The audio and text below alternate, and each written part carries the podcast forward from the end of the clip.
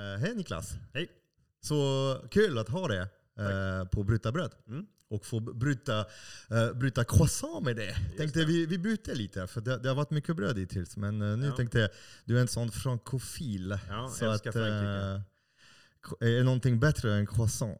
Nej, det finns ingenting bättre. Och jag brukar säga att en sån här vällagad, riktig croissant är ju som en tidsresa gastronomiskt. Mhm. Man flyger tillbaka i tiden. För det var ju förmodligen så här croissanter smakade i Paris, kanske för hundra år sedan.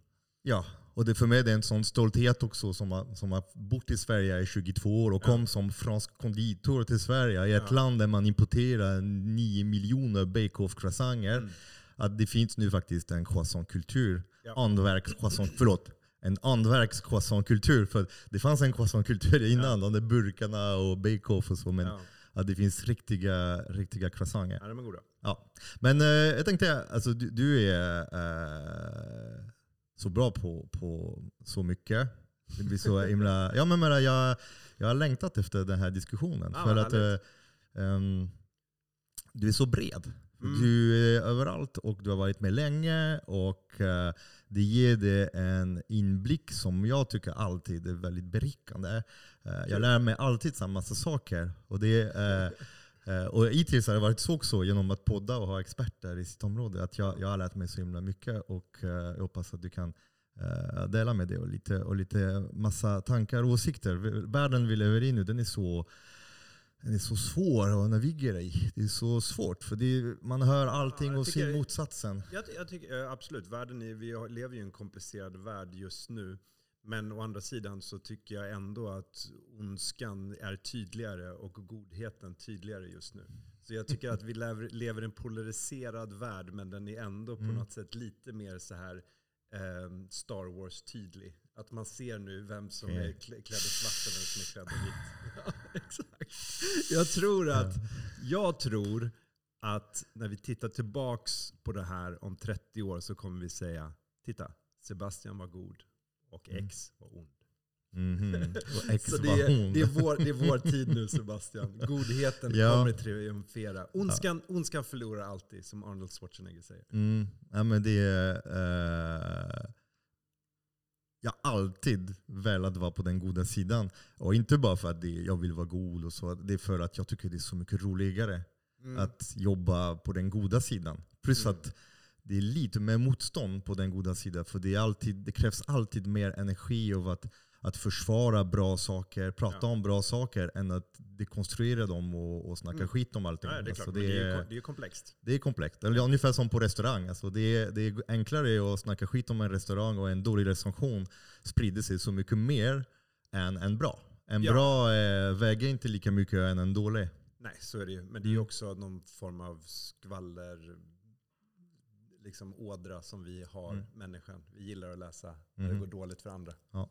Men kan inte du berätta lite grann om, om eh, vad du befinner dig just nu? Var jag befinner mig? 2023. Alltså vi behöver inte Wow. gå tillbaka till, eh, till, eh, Nej, till 20-åringen. Då behöver du många timmar. Ja men precis. Men det är därför jag tänkte, det, det mesta vet Ja. alla och det här Ja. är en podd som är ändå riktad för folk som är intresserade av mat så de vet var du kommer ifrån, hela Helsingborgs resa, din tv-karriär Ja. och mediala. Men det, det med nu känner jag. För jag Ja, ser att det Den finns mogna. Ja, den mogna Niklas som har lämnat pulvret bakom. Och, Och som- försöker, försöker hanka sig fram i en värld av liksom nedstängda restauranger.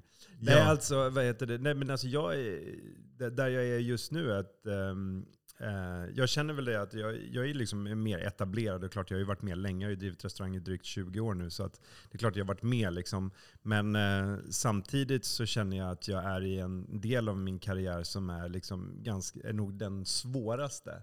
För jag går ju från att varit ung och lovande och öppna nya restauranger till att vara en etablerad eh, liksom, restaurang som kanske folk har varit på och nu måste gå på en gång till. Mm. Så det gäller ju verkligen att liksom, eh, och när, desto äldre man blir, desto längre bort är man från eh, liksom, de ungas tankarna. Så för mig så känner jag liksom att jag måste verkligen jobba på att hålla mig kontemporär, eh, anställa yngre medarbetare, förstå den nya kulturen eh, och förstå den nya generationen. Därför att jag tror att det finns ett, ett gigantiskt generationsskifte bland, ehm, och nu talar jag liksom om, om min bransch. Mm. Men det kanske är generell, det vet jag inte. Men alltså, vi alltså äldre generationen har liksom svårt att förstå sig på yngre generationen. Och det är inte förrän den här yngre generationen som tänker nytt nu och som kommer liksom med väldigt nya revolutionära tankar. Det är Mm. inte för dem, förrän de sitter på chefspositioner Mm. och är äldre. Det är inte förrän då jag tror att de stora förändringarna kommer komma. Så just nu har vi liksom en stor generationsgap. Liksom.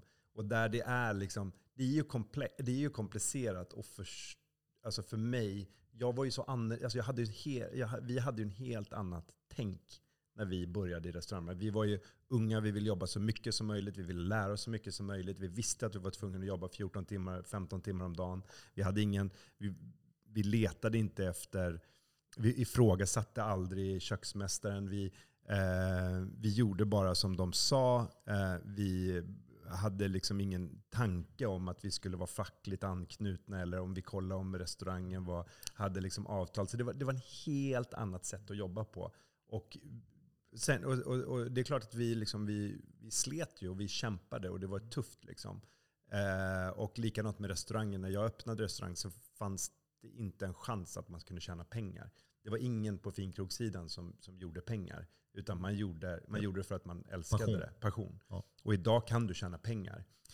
Det kan, kan det inte vara så också att det fanns en rad förebilder som var lite annorlunda från idag? Jo, jo, absolut. Och de var ju monster. Liksom. Mm. Vi såg ju upp till människor som förtryckte andra människor. Och, och ifrågasatte inte dem heller? Nej, Alltså, det gjorde vi klart. inte. Och det är klart att då kan man ju säga så här, gjorde jag rätt? Det är, det är, liksom, det är, det är såklart det är, det är inte säkert. Men däremot så vet jag att den generationen som kommer nu kommer ju inte se på världen eller på sitt arbete på samma sätt som jag gjorde. Mm. Så därför måste jag ju respektera det, förstå det och få dem att vara lika motiverade som jag var, fast motsatt. Ja. Och Så- sen är vårt roll att förbereda för dem. Ge dem en mjuk övergång så att vi kan också vara förebilder som skapar en förändring. Ja, exakt. För deras skull. Ja, men det är ju inte helt lätt. Det är, liksom, Mm. det är, det är, ju inte, det är, som, det är ingen, det är ingen lätt eh, liksom, uppdrag. Men, det, men så, så där står jag väl någonstans att jag vill liksom jag vill, ju, jag vill ju fortfarande förändra och göra roliga saker och träffa spännande människor och, och berätta om gastronomi och försöka föra över de sakerna som jag fick så fint. Liksom, hela mitt liv tycker jag har varit väldigt fyllt med väldigt spännande uppdrag och roliga saker tack vare att, att jag har jobbat med mat. Mm. Och den är också ett ansvar. Ja, För absolut. det är, det är en privilegium att kunna, att kunna så, så ser jag det. Alltså allt det roliga man får göra eh, när man är medial Ja. ger också en öppet sinne, möjligheter som, som är ju ett privilegium och att någonstans man sitter, man har det på axlarna, man bär lite det. Man har ändå ett lite större ansvar än kanske linekocken som sitter och jobbar i, på sitt lilla ställe och kanske har inte samma möjlighet till att utveckla och se världen med, med lite mer vid vinkel. Nej, nej, nej, nej absolut. Nej, men, det är inte, men det är inte helt lätt. Och speciellt när man, har, Mm. när man har en vardag och du har liksom restauranger att driva och du har familj att ta hand om och du har Mm. resor att göra så ska du samtidigt liksom försöka vara en bra mentor. Det är inte... Ja, nej, Det- men det, är det är ett svårt jag, uppdrag. jag tycker att du är, du är jävligt Ja. bra på det faktiskt. Tack så mycket. Det är, någon, Ja. det är anledningen att du är här faktiskt. Ja, tack så det, mycket. det är också för, och det är därför jag, jag ser upp alltså Jag ser inte upp för många kockar kan jag Nej. säga. Eh, men eh, du, du är en av dem som jag, jag, jag, jag faktiskt gör det och som inspirerar mig i, i, i, vårdagen när jag Ja. tittar på Kock-Sverige. Eh, för jag har ändå varit med ändå ganska länge. Ja. Eh, Jag har bott i Sverige sedan början 2000 så att Mm. jag har varit med i den här restaurangresan som har skett i Sverige. Alltså när jag kom då fanns det inte så mycket mer än alltså, vad var det, Franska verandan, Opera Källan och det var, eller, det var ju Mattias Dahlgren som var på, på Östermalm innan. Mm. eh, Och, Mm. och, eh, Men du hade ändå saker som började bubbla då. Du hade ju Peter Pumpa i Lund och du hade Mm. liksom Magnus Ek på axeln. Och det Mm. kom ändå liksom, det var ändå, no, alltså, om man tittar tillbaks så Mm. fanns det där ändå. Liksom. 2001 var det redan uh, Waxen var, Ja. var det redan Mm. där? Ja, den, den delen. Mm. Just, det var det nog, det eh, var typ 99, 98, 99. någon gång 98, där, ja. 99, okej. ja.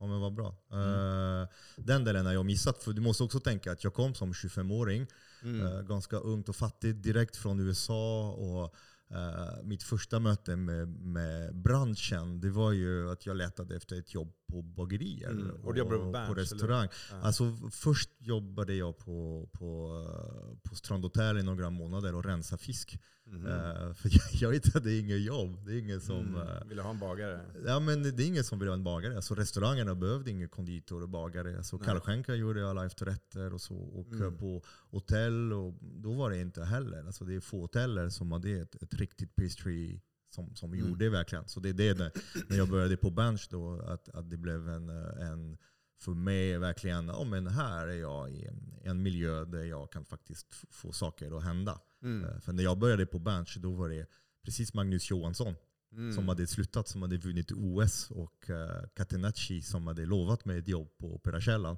som eh, behandlade mig som skit, den här Mm. lilla jävel.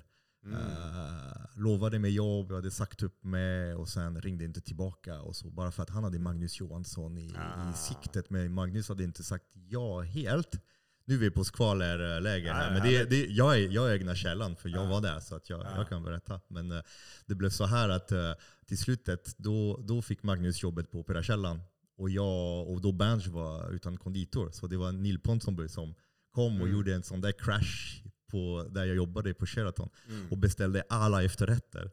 Och sen efter han kom och ropade efter mig och sa det, här, det här, det här. Men när, du var, när du började där då, på, när du inte fick jobbet på Operakällan och började på Berns istället. Mm. Var det liksom, var, du var, då, var det, då var du kondi, alltså dessertkock mer eller, eller Ja, bagare? jag var, jag var pastrychef. Alltså jag Ja. skulle börja som pastrychef och tanken är att man skulle, alltså min grund det var att vi skulle eh, Berns var i en övergång då. Det var, det var, ju, eh, det, var, det, det ägdes, alltså det, det drev med ett koncept. Det var Konrads Ja. konceptet där. Och sen, och de hade tänkt att, att virvla och då skulle de eh, anställa Svampen Svonko Mm. eh, som kökschef som är också väldigt, väldigt franskinriktat. Eh, Mm. Och eh, då var han, jag kommer ihåg när han började, han sa äh, jag gillar inte franska konditorer. De är alldeles för sött och så. Och, så. och, och, eh, och jag, jag, jag visade honom att han hade fel. Ja, wow. Men eh, det, det är ändå häftigt, för senare satt jag med, med båda Catenacci och, och, och Magnus på Ja, omklädningsrum. För vi, vi körde Dessertmästarna Just det, tillsammans. det så det var, det var ändå lite surrealistiskt Ja. att, eh, att få jobba. Mm. Eh, alltså hur, hur, hur livet går. Mm. Man vet inte. Men jag, jag tänkte, eh, det, här, det här är en podd med dig.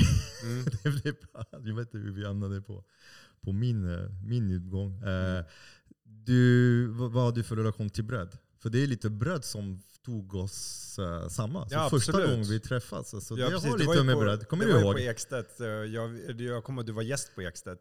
Och Ja. du, du käkade och du var Du väldigt... kommer ihåg alltså? För jag hade en... eh, Jag kommer, jag ihåg att var Nissa på bord 50 också. Du vet vem, vem jag var med? Ja, och vi Sällskap. bröt bröd. Jajamän. Jag bröt bröd vid bordet. Vi hade det som en stor bröd, så bröt vi det istället för att skära upp det. Och, sådär. och jag kommer ihåg att du gillade det där. Men att jag fortfarande hade lite problem med brödet. Att det var liksom själva, jag tror att själva det konceptuella gillade du, men det kanske inte riktigt kvaliteten. Ja. Och, och, då liksom, och så hade du någon åsikt, och så som jag brukar göra, så bara, om när folk har en åsikt. Bra, perfekt. Kom in i köket och hjälp mig då istället för att sitta och klaga. och du var alltså en av de få personerna som verkligen eh, gjorde det. Så du satte liksom på ett förkläde dagen efter och så gick vi in Ja. och så tog vi tag i brödet. Och vet du vad? Det är samma bröd fortfarande. Mm. Så Ja, jag- att vi har alltså samma surdegsbröd som Mm. du var inne och gjorde 2011, Mm. serverar vi fortfarande idag. Mm. Så det är inte så dåligt.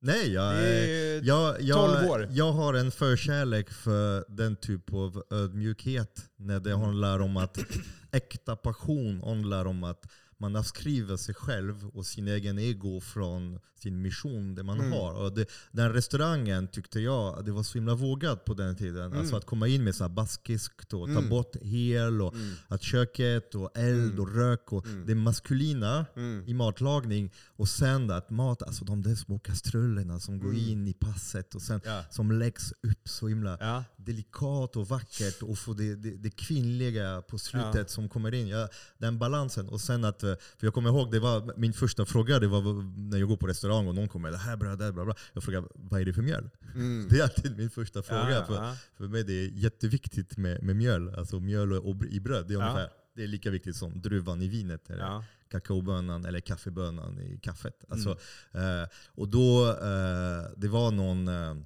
Och då, och då förstod jag att okej, du har blivit också lurad Mm. som alla andra kockar Mm. som har gått restaurangakademi genom Mm. åren och lärt sig Mm. det här restaurangakademibrödet. Och Jan Mm. Hed som har lärt alla kockar att ni kan inte baka bröd, ni kan bara laga mat. Så ni gör som jag säger. Ja. Och så gjorde han helt fel. Ja, alltså, ja, alltså tyvärr är det så. Det är, Ja. Anna, Anna, Anna vilseledad. Och jag Ja, vet ja. att han är ett stort förebild för många och många ser upp till honom. Jag, jag har inget problem med honom som person. Jag tänker bara som, som yrkesman. Mm. Eh, jag tycker att han har gjort gigantiska tjänstefel för Sverige. Mm. Och, Kanske på, eh, på brödet.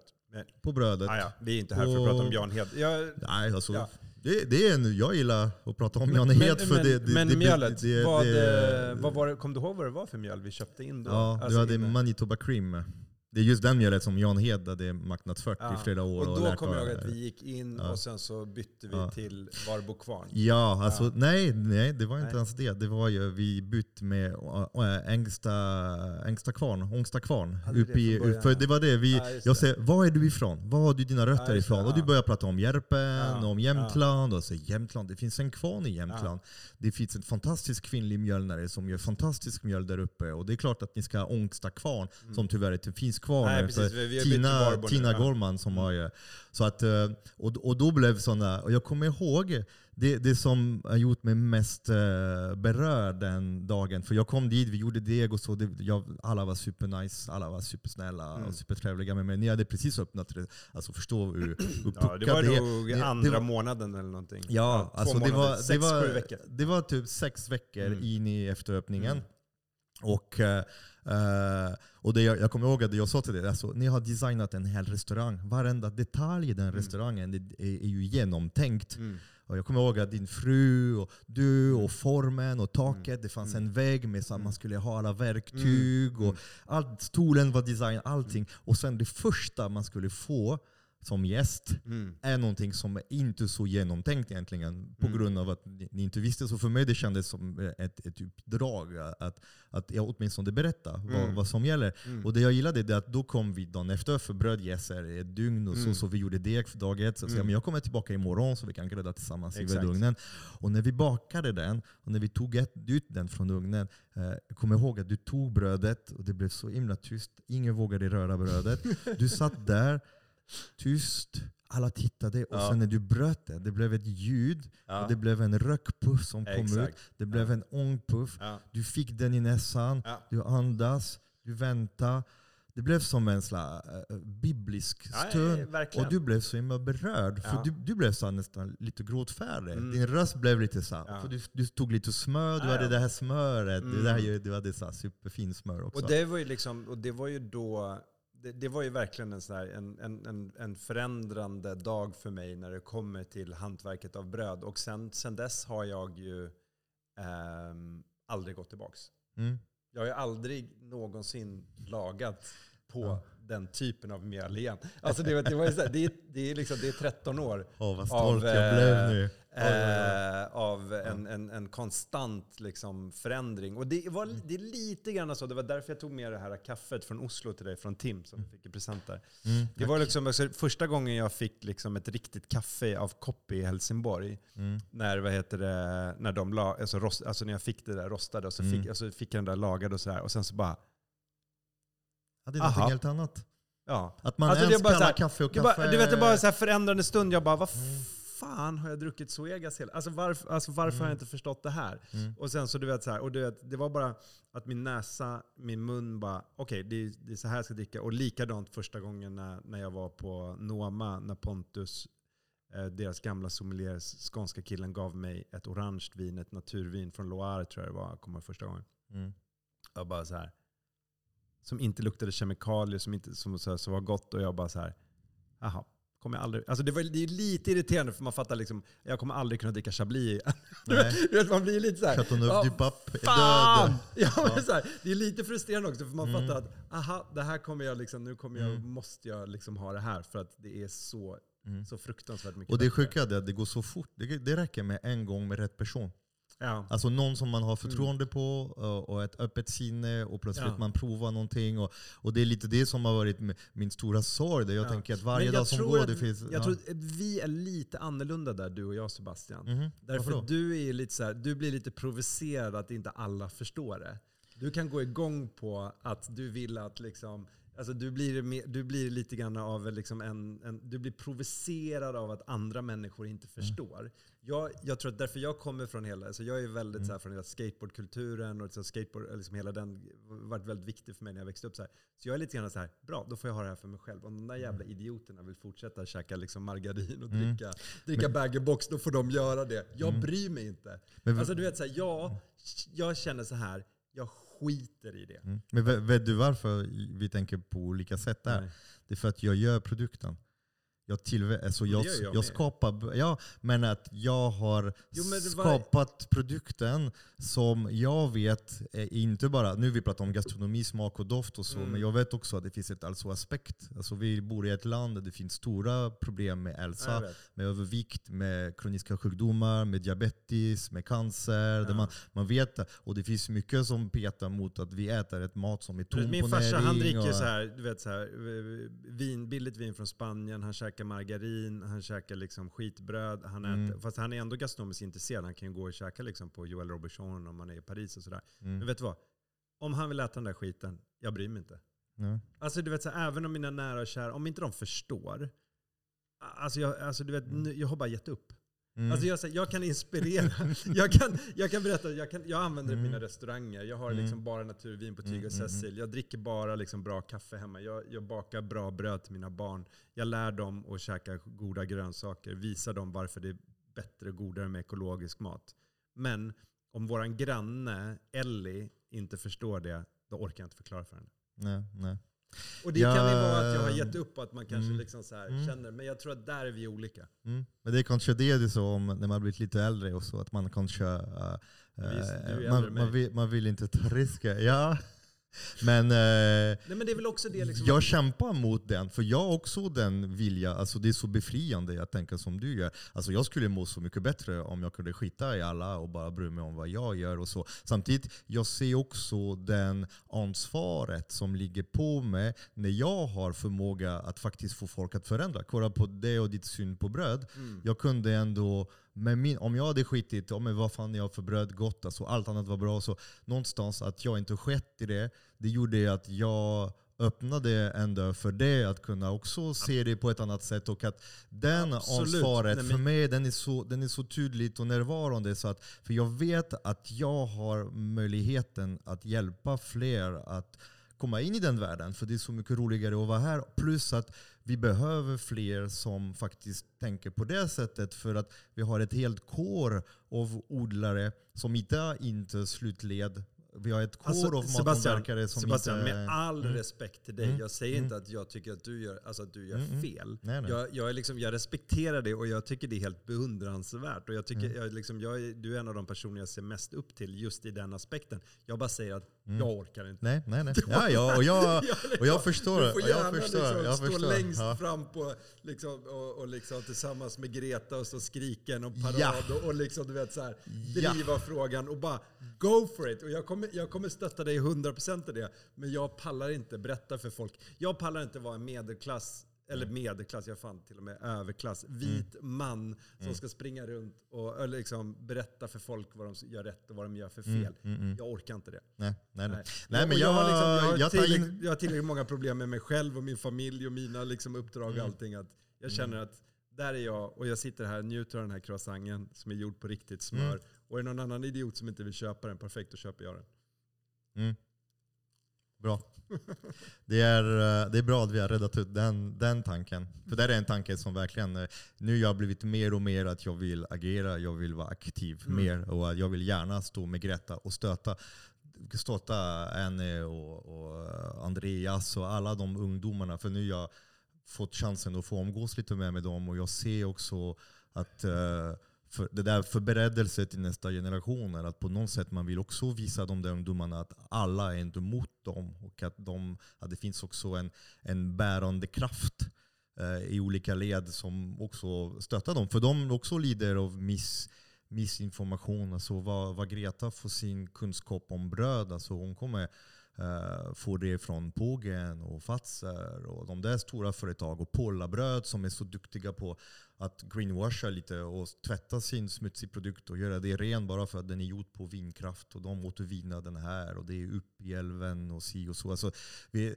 I Sverige, det, det är också anledning till den här podden, så att jag vill skapa en friplats där vi kan prata lite mer öppet om ja, hur industrin är byggt och hur den är så himla Alltså man ser upp till industri så himla mycket i Sverige. Alltså när, när Polarbröd bageri brinner, plötsligt får vdn stå på och göra, och göra sommarprat och berätta om helven. Och lyssnade, du på hela, på, lyssnade du på hela Ja, det är klart. För du jag, satt en och en halv timme och lyssnade på Ja, jag lyssnade på Karin och, och, för att jag tycker att det är otroligt intressant. Du är fan imponerande alltså. Ja, alltså jag vill veta vad, vad de har för verktyg för att kunna ju, ja, men så här, tvätta hjärnan och vilseleda konsumenten. Wow. Eh, och eh, eh, det är så viktigt för att så länge man har så den du bilden. igenom hela deras sommarprat? Hela, hela, hela. Alltså jag lyssnar, jag är väldigt, det, det, det, det, är, ganska, det är ganska många sommarprat. Ja. Alltså det är när jag sommarpratade ja. 2012, jag visste inte ens vad sommarprat var. Alltså, Nej, men det är bra. Alltså, Bibi Röde ringde mig. Hej, jag heter Bibi Röde ja. från, från, från Sveriges Radio. Ja. Skulle du vilja sommarprata? Jag var bara, uh, jag vet inte om jag har tid med det. Alltså, ja. när, hur, när är det? Och så, alltså, det var ganska, men det var, det var ganska komiskt. Det var, det, var det var ett vackert sommarprat, det var jättebra. Mm. Var, men, men, men jag tror att liksom, industrin har ju liksom, det finns ju också en stolthet i den svenska industrin. Och det är ju liksom, jag tror att det är, eh, kan möjligtvis vara liksom kanske att det fattas fattas. Alltså det, jag, jag, tror alltid svenskar och Sverige, vi, liksom, vi, vi kämpar ju alltid efter en kulturell identitet. Liksom.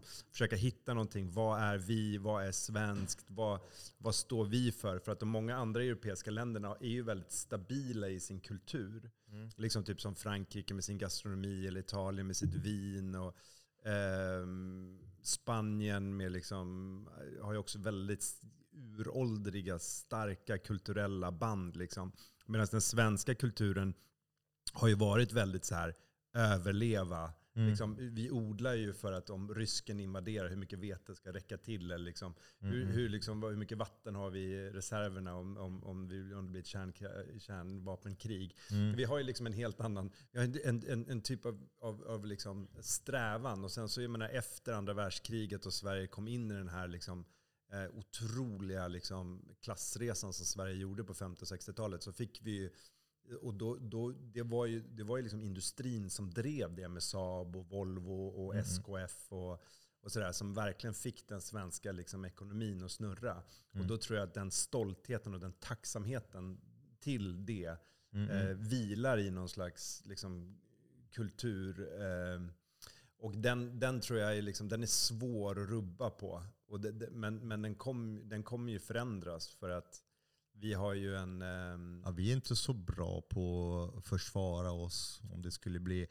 stängde gränserna. Det är det, alltså nu, mm. i den, från att vara väldigt framgångsrika med, med rationalisering och mm. jordbruket och lager. Och si, nu vi har ändå vi har hamnat i ett läge där självförsörjningsgrad är väldigt dålig i Sverige. Där majoritet av primärproduktion av alla livsmedel den är beroende på fossila bränslen och import av konstgödsel och pesticider. Vi har inte ens frö. Alltså frö eh, vi importerar också. Havel på djur, kyckling, gris. Alltså allting kommer från utomlands. Och så, så att från att vara extremt Mm. fattiga och verkligen klara sig. Lite, lite som i Italien och Frankrike. Alltså det, ni, Sverige har också en, ett arv som är fantastiskt. Det är bara att eftersom det är nordisk, nordisk land eh, kanske matkultur var inte lika attraktiv. Alltså det är klart att kroppkakor och ett färsk, färskt solmogat aprikos, vit persika. Det är klart att eh, det, det, finns lite mer att, att drömma om. Lite mer i det. Tomat det är lite godare med olivolja än rapsolja. Ja, olivolja. Mm. Alltså, rupsolja så som, som är gräsig. Och, så det, det är klart. Men det, och det är det jag försöker se. Alltså, kan vi skapa en övergång där vi fångar de där tankarna, använder ju arvet över uh, mm. Norden. Och det är lite det tycker jag den nordiska maten har handlat mycket om. Det är mycket det ni gör på Extet som, mm. som har med det att göra. Det är att man kanske tar bort de där klassiska rätter som inte var så attraktiva, men istället använda förädlingsmetoder som har funnits och kanske alltså översätta den till en, en matlagning som är nu vackert för ögat, eh, som klappar på smaklökar Mm. och som är hållbart också. För det är någonting jag skulle vilja prata mer och se mer om. Det det att eh, Men håll, hållbarheten i, i, i sin linda liksom är ju också någonting som är väldigt nytt. mm, Man får ju, alltså, du, du och, liksom, och, och vi som står för liksom en, en, att vi vill ha en högre kvalitet av matproduktion och agrikultur. Vi stångas ju och stampas ju i en väldigt konservativ eh, miljö. mm, Men det man inte får glömma också det är ju det att de, de, de här tankarna och de här idéerna är väldigt nya. Alltså det, det är liksom den, den, den, det sättet som klimatet har förändrats och det sättet som vi konsumerar mat på är ju bara några sekunder i vår utveckling. mm. Eh, och det är därför som att man måste få låta det ta, ta tid också, även om jag vet att det är frustrerande. Mm. Alltså hållbarhet har bytt lite anledning. Alltså förut det handlade om kostnadseffektivitet. Eh, de, alltså jag, jag har rest ganska mycket ut i landet. För nu, jag släpper en bok nu i oktober om, Mm. om, om kulturspannmål. Och, eh, det. då jag har besökt de där gårdarna som jag har haft en lång, lång relation med. Och Ja. det, det jag ser är att de som har gjort bäst, mest hållbart, de har gjort det för att de har varit väldigt, väldigt kostnadseffektiva. Jag, jag brukar skoja och säga att du är så snål. Och så. så. Jag är inte snål, jag är kostnadseffektiv. Att, Ja. eh, kostnadseffektivitet har varit ett drift i nordisk jordbruk när man verkligen tar vara på allting och jobbar med, i kretslopp med kanske mindre gårdar eh, som har djur och skog och vall och våtmark och grönsaker och odlar spannmål. Och Jag sen får det hela att snurra runt. Och det här är det mest effektiva Jag håller med, sättet. jag håller med på ett sätt, men på ett Mm. annat sätt håller jag inte med. Mhm. Alltså därför jag tycker, ja, nej, men jag, jag tycker, många gånger så kan det vara liksom så här att man till exempel har en bra produkt i Sverige. Mm. Man har liksom ett, ett bra hantverk. Så många gånger så är det småskaliga någonting man ser upp till. Mm. Och då blir det oftast det att man eh, inte får en produkt att kunna växa och få tillräckligt volym, att tillräckligt många kan eh, Mm. bli tillgodose med produkten och få liksom ett varumärke som man kan växa och använda sig av det. Jag kan ge ett exempel, exempel på, Mm. på restaurang. Alltså jag har ju en liten restaurang, jag har ju 35-40 platser. Ja. Men många av de eh, leverantörerna och hantverks, hantverksleverantörerna eh, av mat som vi får, de är, eh, blir tillsagda ifrån eh, olika intresseorganisationer, av hållbarhetsaktivister, att, att ni är så småskaliga, det är det som gör er unika. Och den här lilla volymen, det är det som gör fint. Men det Mm. blir också deras värsta fiende. Mm. För de kan aldrig växa sin verksamhet, anställa några till, få igång produktionen, få en större liksom, eh, eh, volym som gör att vi kan köpa produkten kontinuerligt och få ett bättre flöde på det. För kan vi bara köpa tre kilo där, fyra kilo där, ett kilo där. Mm. Alltså det, det blir helt ohållbart för oss att kunna jobba med, med de här små produkterna om de inte får en, en eh, mer gemensam eh, kooperativ eh, liksom försäljningsmetod. Mm. Vilket är ju otroligt komplext och komplicerat på grund av de logistiska mardrömmarna. Så jag tror att det skulle vara en, den största tjänsten man skulle kunna göra det är att gå in med ekonomiska incitament, initiativ för att hjälpa dem att bli bättre företagare. Mm. Eh, och, och liksom sluta ge dem så mycket beröm och ge dem kon, kon, kon, eh, liksom konkreta ekonomiska hj- hjälpmedel. Vet du varför pågen gör dålig bröd? Berätta. För att de inte behöver göra bättre. Nej, För att man tar skiten. Folk går till affären och köper det. Och de kan gå runt och klara sin tillväxt och sina kvartal. Alltså, Mm. Industri är inte dåligt i princip. Den är dåligt av en funktion. Alltså, det är att de inte behöver mer. För Men- de har hittat ett, Men det ett- finns säkert massvis med saker på pågen som eh, ett mindre bageri eller mjölnare skulle kunna få hjälp med. Eller få hjälp av med dem. Mm. Du skulle säkert kunna hjälpa dem logistiskt, du skulle säkert kunna hjälpa dem ekonomiskt, du skulle hjälpa, kunna Mm. stödja dem. Alltså jag, det- jag håller inte med. Alltså jag har svårt att tro det. För att just, eh, eftersom de är en del av problemet. Man kan absolut lära sig lite grann om infrastruktur och sådär. Ja. Men eh, det jag ser är att det småskaliga skulle kunna växa om marknaden växte och deras produkt inte betraktades som den andra. Alltså Mm. problemet med mitt bröd, alltså nu du pratar med någon som har bakat en miljon limpor i sitt liv. Mm. Och varje limpa jag har sålt, jag har sålt den back. Mm. Alltså varje limpa jag har sålt till varandra människa uh, genom min karriär. Det, jag, jag har delat ut en 20-lapp, 30-lapp, 40, 50-lapp, beroende på vilket bröd det var, tillsammans med mitt bröd. Och mm. mitt bröd har alltid blivit betraktat och jämfört med andra bröd. Alltså, ja, men varför ska jag betala 80 kronor för ditt bröd när en lingongrova kostar 25,90. Mm. Ja, varför, varför är det så? Berätta. Ja, för att... Vad är, det som gör att den, vad är det som gör att en produkt med både mjöl, vatten och salt mm. kan vara dyrare än en produkt med 26 ingredienser? Eller fråga, 35 ingredienser? Problemet är att den är inte dyrare. Om, det beror på hur man räknar. För om man pratar viktmässigt, det är bara att lingongrova väger 400 gram. Mm. Så 25,90 det är ungefär 70 kronor kilot. Mm. Vilket gör att plötsligt min produkt som är ett premiumprodukt som är väldigt mycket omsorg, anverk hela vägen, mycket mer jobb och engagemang och mycket mer risktagande. Mm. När jag bakar bröd det är mycket risktagande. När pågen Tillverka, så är det liksom en, en, tillverka en bröd, det är ett process, det är en ingenjörskap. Ja. De har ett rullande schema, de anpassar råvara efter, efter sitt system och då det, det klaffar fint allting och allt rullar. Så att när mitt bröd, tänk om du hade 120 kronor budget mm. för din middag på Extet. Mm. Hur, mycket, hur mycket fina råvaror skulle du ha råd att ha? Hur mycket duktig personal du skulle ha råd att ha? Och fin mm. adress och allting. Uh, I restaurang har jag varit mycket duktigare att skilja fine dining kontra ju snabbmat. Mm. Medan i bröd, jag har levererat tre stjärnor, två stjärnor, en stjärna Michelinsbröd. Det beror på vilken dag det mm. var. Vissa dagar jag var kanske bara på en stjärna Michelin. Men när jag gör bröd, det är ju jag ger hela min själ. Jag ja, hittar ja. den bästa råvaran som finns, den mesta producenten. Jo, jag, vet, jag maler bara mjöl. en sak, vi gör ju 30 olika grejer. Precis. Ja. precis. Men uh, den saken, det är ändå 30-40-tal processer längs vägen som leder från ursprungsråvara till mm. slutprodukten. Med Men jag tror att det, det, det, därför det är så liksom mm. Och laga riktigt bra bröd på restaurang, mm. och vilket är konstigt att inte fler folk gör det, mm. är ju det att vi har ju inte pressen för oss att vi ska beta ta betalt för Och ni ska brödet. inte sälja enheten? Nej, vi ska, inte sälja enheten. Och vi är där hela ja. dagen. Jag ska lägga brödet liksom, på hyllan och den ska kännas... Det logistiska, det ska köpas, köp, beslutet. Ja, det logistiska svåra med ett bageri det är ju det att du har ju försäljningen börjar ju kanske nio på morgonen. Mm. Eh, våran försäljning, eller våran servering mm. börjar ju sex på kvällen. Folk kommer, ja. sitter där och, ja. och, och, och, vi, och, bröd kommer som ett åh, första klappen. Exakt, och avståndet mellan ugnen och gästen mm. är ju väldigt kort. Ja.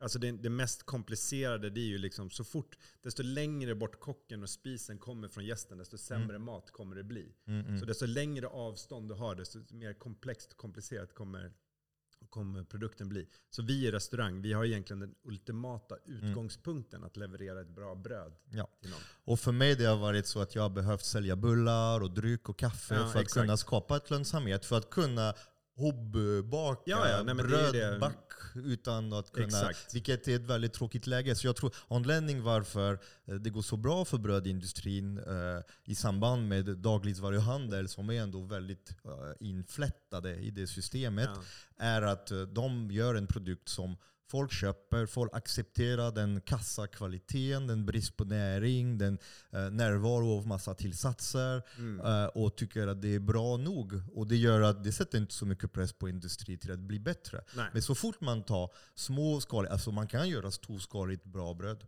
Man kan göra storskaligt bra öl. Man kan göra, Absolut. Det, det kan man göra. Poäng. Och det, det är, är råvaran, anledningen att, ja. man, att det inte går att göra det. Jag säger inte att du ska bli lika stor som pågen. Nej. Men du skulle kunna bli en procent av pågen. Nu är man en promille av pågen. Ja. Så skulle man kunna ha liksom ett bra bröd, eller en bra, alltså en bra produkt som växer. Jag menar, du, du, alltså öl är ett jättebra exempel. Där mm. finns det ju så halvstorskaliga mm. producenter som kan leverera till Systembolaget. Mm. Det skulle enkelt, om du liksom stöttade, gjorde rätt beslut eh, och ekonomiskt vågade ta mm. riskerna och få kapitalet att tro Precis. på kvaliteten. Därför ja. att kapitalet tror ju på väskor. Mm. Du ser Louis Vuitton och gör säkert 3 miljoner i vinst varje månad liksom på sin butik på Biblioteksgatan. Det är ju en kvalitetsprodukt. Det är ju liksom riktigt läder, handsytt, allting. Mm. Där får du ju, när de visar att de går med vinst, de visar att de går kapital, då liksom får de miljardinvesteringar. Ja. Och det är vi sämst på ja. när det kommer till mathantverk. Vi är dåliga på att ta in kapital, vi är dåliga på att göra ekonomi och vi blir, vi blir lätt smickrade av människor runt omkring som säger åh, du är så duktig, du lagar lite, vad bra att du bara gör 12 mm, mm. liter i veckan. Mm. Nej, det är inte bra. Du ska göra 120 liter i veckan. Jag säger inte att du ska bli pågen. Jag bara säger Nej. att om vi ska få fart på det så måste man göra det Salto Kvarn har gjort. Eller det liksom, Mm. eh, det är liksom någon lite, du måste bli lite större så att Ja. du får lite mer volym. Men även det, de får motstånd. Alltså man får väldigt motstånd om, om, man, om man kliver in i den här världen av alla, alla jättarna. Det är, eh, för det, jag tror att om du skulle kunna förklara kvaliteten, Mm. liksom det viktiga och hur du kan göra det skalbart. Förbättra precis det som du sa. Förbättra liksom hälsan, förbättra miljön, göra en mer hållbar produkt. Så tror absolut det finns alla, alla, alla och det, det har industri förstått. Alltså industri har förstått det. Det är därför eh, De kapitaliserar på Ja, de- någonting som de inte och, levererar. Och bryggerierna, jättebryggerier, skapar små bryggerier och Ja. Arla plötsligt börjar göra hantverksostar.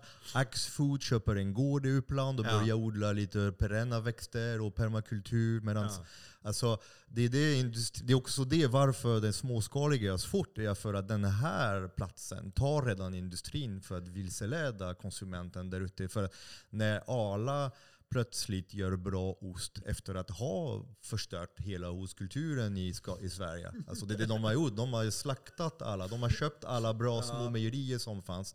Flyttat de varumärken som kan bära sig till ett stort fabrik och skalat upp. Vad hände till Men produkten de har då? varit väldigt duktiga med att marknadsföra sig mot kockarna. Men för de, de, de, de, har pengar, det är konstant. klart. De äger Ja. kockarna. Alltså, men- förlåt, men uh, det här är en diskussion vi skulle kunna Ja, eh, driva väldigt mycket. Men det, det, men det, Ja. det som är häftigt är att Arla har ju makten, eh, de har haft makten att förstöra ostkulturen. Sen vi har ett kår av passionerade människor som bryr sig om hantverk som startade Mm. Eldrimner 2005. Byggde ett centrum för mathantverk i Sverige. Ja. Byggde en skola för att lära igen Ja. mathantverkare att Ja. göra hantverksost. Ja. Och när mat... Men vet, vad de, ja, vet, men vet du vad de skulle göra? Eldrimmer skulle göra ett samarbete med st- liksom så här, Stockholm School of Economics. Mm. De skulle, liksom vara, de skulle inte vara rädda för kapitalet. De skulle inte vara rädda för den ekonomiska aspekten. För Mm. i slutändan så är vi alla i en ekonomi. Mm. Att den går inte att bortse. Eldrimmer, hur jäkla bra de än är och hur duktiga de än är i, så är inte Eldrimmer i en sovjetisk kommunistisk stat.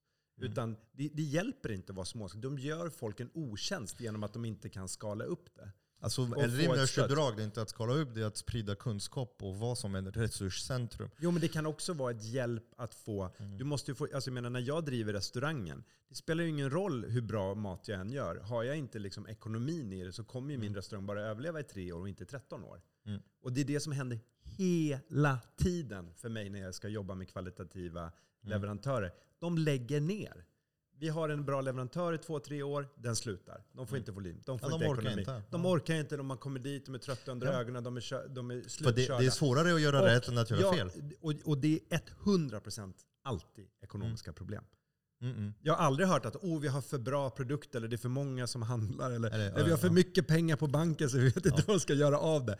Folk lägger ner för att få slut med pengar i våran bransch. Det låter som jag, som jag la ner för att det, det gick för bra och att det tog för mycket av min Ja, tid. men du, Alltså, du, det, är som, det är stängde- som Norge, de har för bra inflation för jag stängde bageriet för att jag ville inte vara en del av, alltså vara framgångsrik på någonting på det sättet. Och kände att jag, det, det var lite värdelöst att stå Ja. där längre än att, för att Ja visst, det, alltså det går att göra en bra produkt och att få, få bra ruljans på det. Men att, att eh, Jo, men vi måste jobba med jo. regelverk. Vi måste göra det lätt att göra rätt Jo, och vi måste hjälpa de som Jo, är absolut. Men med all respekt till dig Sebastian, Mm. jag tror du gör mer nytta att springa runt och skrika på stan än att stå bakom en eh, kyldisk Ja. på Södermalm. Det tycker jag också. Ja, det är därför liksom jag, här- det är där, ja, det är därför jag det, stängde. Det är, det är som rätt soldat på rätt plats. Alltså, så det, och där, där, har- där har du där har gjort dina prioriteringar rätt.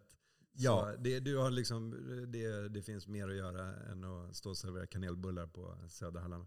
Men det var jävligt bra bageri och det saknas ju. Och det som Mm. är tråkigt där till exempel är ju ett jättebra område. Nu är vi ju här i Svedjan, det här är fantastiskt vad de har gjort här uppe. Men kring, eh, eh, vad heter det, mm, den adressen nu Mm. så har ju både Petrus och du lagt ner. Mm. Så från att ha varit liksom ett trevligt liksom bageri, om jag hade bott i det området så hade jag haft två fantastiska bagerier att välja på. Nu har jag inget. Och det är Ja. bra för det lär folk att förbereda sig på vad som väntar oss. Att man ska, måste vara beredd att faktiskt förlora saker man tycker om. För att nu vi lever som att vi hade fyra planeter. Vi konsumerar som aldrig förr, vi flyger som aldrig förr, vi Mm. extraherar olja, kol och gas som aldrig förr. Mm. Och bygger fortfarande ett ekonomi på att det ska växa, det ska bli mer. Och som svensk i Stockholm, på Söder, då känner man sig ganska skyddad utifrån all det här eh, Mm. problem med klimat och så. Och det jag ville det var att folk skulle också vakna upp och förstå vad är det som gäller när man faktiskt förlorar någonting man tycker om och att det kan finnas drift från Ja, men då mig skulle du göra, att ge upp du- det jag älskar som mest. Stäng, då skulle du stänga ett halvår och säga att nu får folk liksom crowdfunda det här för att vi ska Mm. öppna det igen. Alltså Mm. bara stänga ner och inte ha ett alternativ. Ja, men blir alternativ är att nu jag jobbar med regelverk blir och jag kan ja. typ sitta Ah, här med det Nej, till exempel nej, och nej, skapa... nej. Jag, jag håller med, jag, alltså, jag tycker du, alltså, jag, som jag sa, jag tycker du gör rätt i det du gör. Men jag bara menar på att jag, jag, jag, jag skulle tycka det var mycket, mycket roligare om de här småskaliga hantverkarna, de här företagen, om man kunde, att, att de liksom kunde tjäna en, en krona mer. Ja, och kan man hjälpa dem? Kan man hjälpa dem? För hela min karriär som bagare här i Stockholm, särskilt de tio senaste när jag vet, Ja. vet så mycket mer om råvaror, ursprung och gödsel. Och så. Jag har ändå skapat en brygga. Jag har Jo, jag skapat en brygga mellan ekologiskt jordbruk till svenska hälsosamma. Absolut. Jag har inte fått någon hjälp. Nej, Jag har inte fått nej. någon förbättring. Men- men- McDonalds har betalat, jag har betalat lika mycket skatt som McDonalds. Och, Absolut, det har du gjort. Men jag tror att du har kunskap Mm. och saker i din entreprenöra, alltså din, din entreprenadhjärna. Mm. Alltså jag tror du har massvis med saker som du skulle kunna ge till de här bagarna och småskaliga hantverkarna Mm. som är större nytta än att berätta om ekologi. Mm. Förstår du? Jag, jag tror att de förstår. Om du Ja. pratar med mig, liksom, om du pratar med mig om min ekologiska tankar, om, om jordbruk. Jag vet Sebastian, du behöver inte berätta. You're preaching to the choir. Japp. Berätta istället vad, liksom, hur, vilken volym, hur många mycket, hur du ska göra så här många kanelbullar för att tjäna så här mycket pengar. Minska Skit, svin, logistik. skit i den där juicen. Sälj eh, kall mjölk med is. Alltså jag bara hittar på. Mm. Alltså, använd metaforer, använd eh, ekonomiska liksom, incitament Mm. för att få dem att förstå att om ni gör så här så kommer ni tjäna mer pengar, ni kommer, ha, ni kommer lättare kunna använda ekologiskt mjöl och ni kommer ha det mycket trevligare semester. För nu kommer ni kunna, istället för att åka till campingen i Vetlanda så kommer ni kunna åka på, på, på en eh, skön semester Österlen. i Köpenhamn. I Österlen istället. Med all respekt till Vetlanda så har jag jättetrevligt, jag har Kan, aldrig varit kan där. inte Ja, säga ja. Ibiza nu. Så Men, jag, jag skulle precis säga Ibiza, men då vet jag att du Ja. kommer att säga det var inte flyga. Men eh, skitsamma, du förstår vad jag menar. Ja.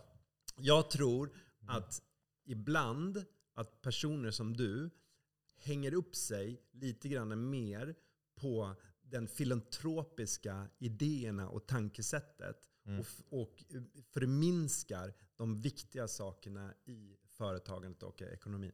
Mm. Det är också en stor fråga om hur företagandet är byggt. Det är hur man Exakt. mäter också. Exakt. Alltså vad, vad Om jag- avgör eh, att ditt företag är ett bra företag? Det är också hur bra din personal mår, hur de, vilket Hur jag miljö... samarbetar. Du samarbetar liksom, med alltså, dem. Vad är, liksom, och- vad, är, vad, är, vad, är, liksom, vad, vad, är, vad är samarbetet med kapitalet? Är det ondskefullt? Vill, vi, för det finns goda pengar, det finns onda pengar.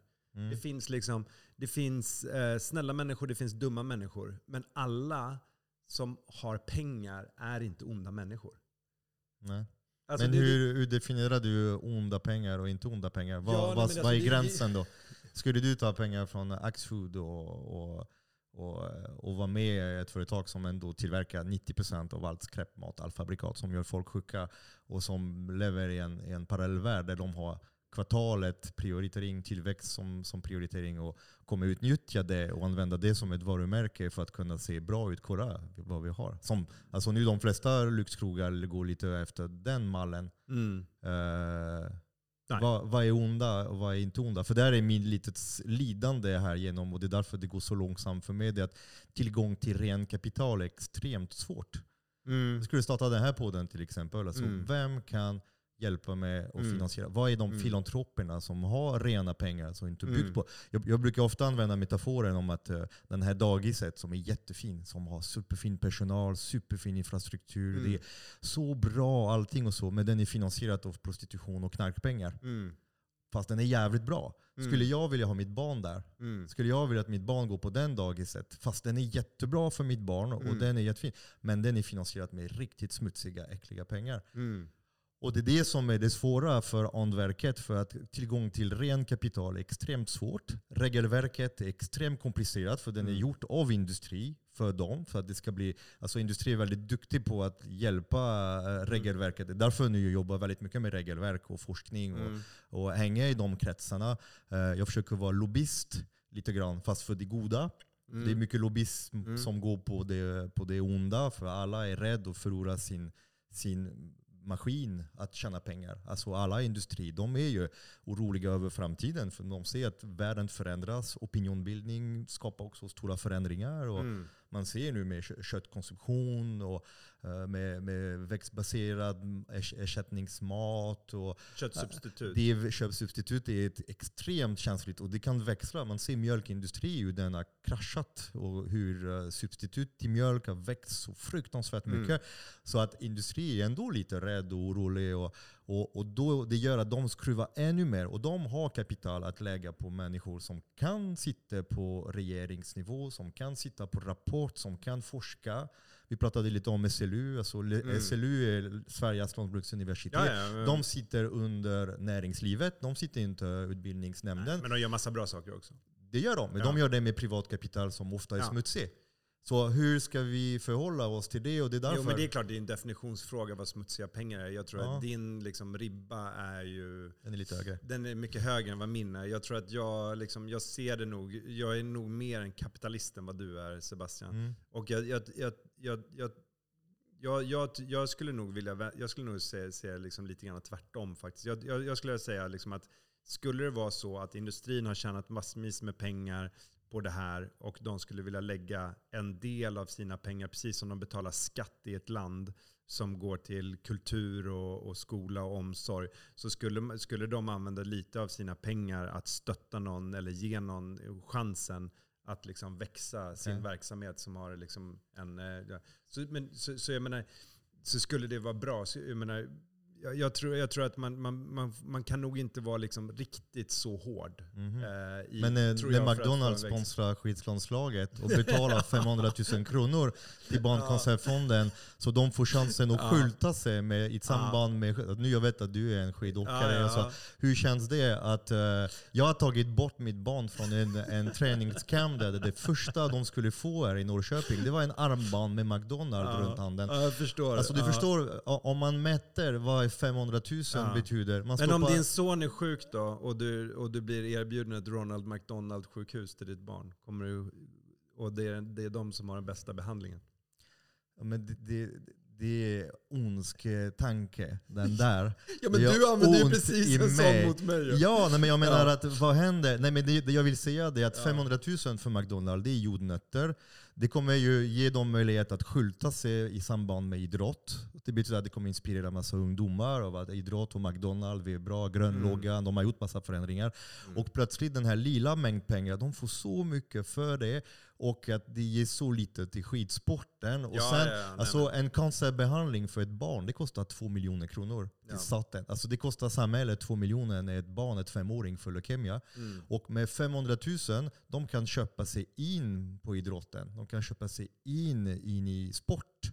Mm. Eh, och, och barn som ska gå på, på, på camp och så. Mm. Så på något sätt, jag tycker att det vore bra om man kunde ju klippa av den här och, och, och se vad som är sjukt. Nu du ser alltså Skistar, vi, jag träffade lite så folk från Skistar som Mm. äger en halv uh, flyg, flygplats uppe i Åre. Nej, och de håller på i Sälen, ja det, Mm. det var ju i Sälen. Eh, Mm. Så då- att de sitter med skidsport som är väldigt beroende på snö Mm. och kyla Mm. och att plötsligt de sitter och, och, och eh, uppmuntrar folk att flyga upp där för det är Mm. snabbt och smidigt. Och, Till, det, eh, det är som att skjuta sig i foten lite. Men jag ska säga någonting som är glädjande. Den där flygplatsen är en flopp. Aha. Men det, är det inte en flopp på grund av det finns aktivister som har lyft upp frågor? Det finns ju, Ah, det det har finns varit ju en, eh, det där- institutionen som... Det där har som- varit en, eh, en het potatis, Okej. den där flygplatsen. Okej. Och jag tror eh, många, eller nästan alla, är nog eniga om att det fina med den svenska fjällvärlden är att man kan åka tåg eller köra sin elbil till den.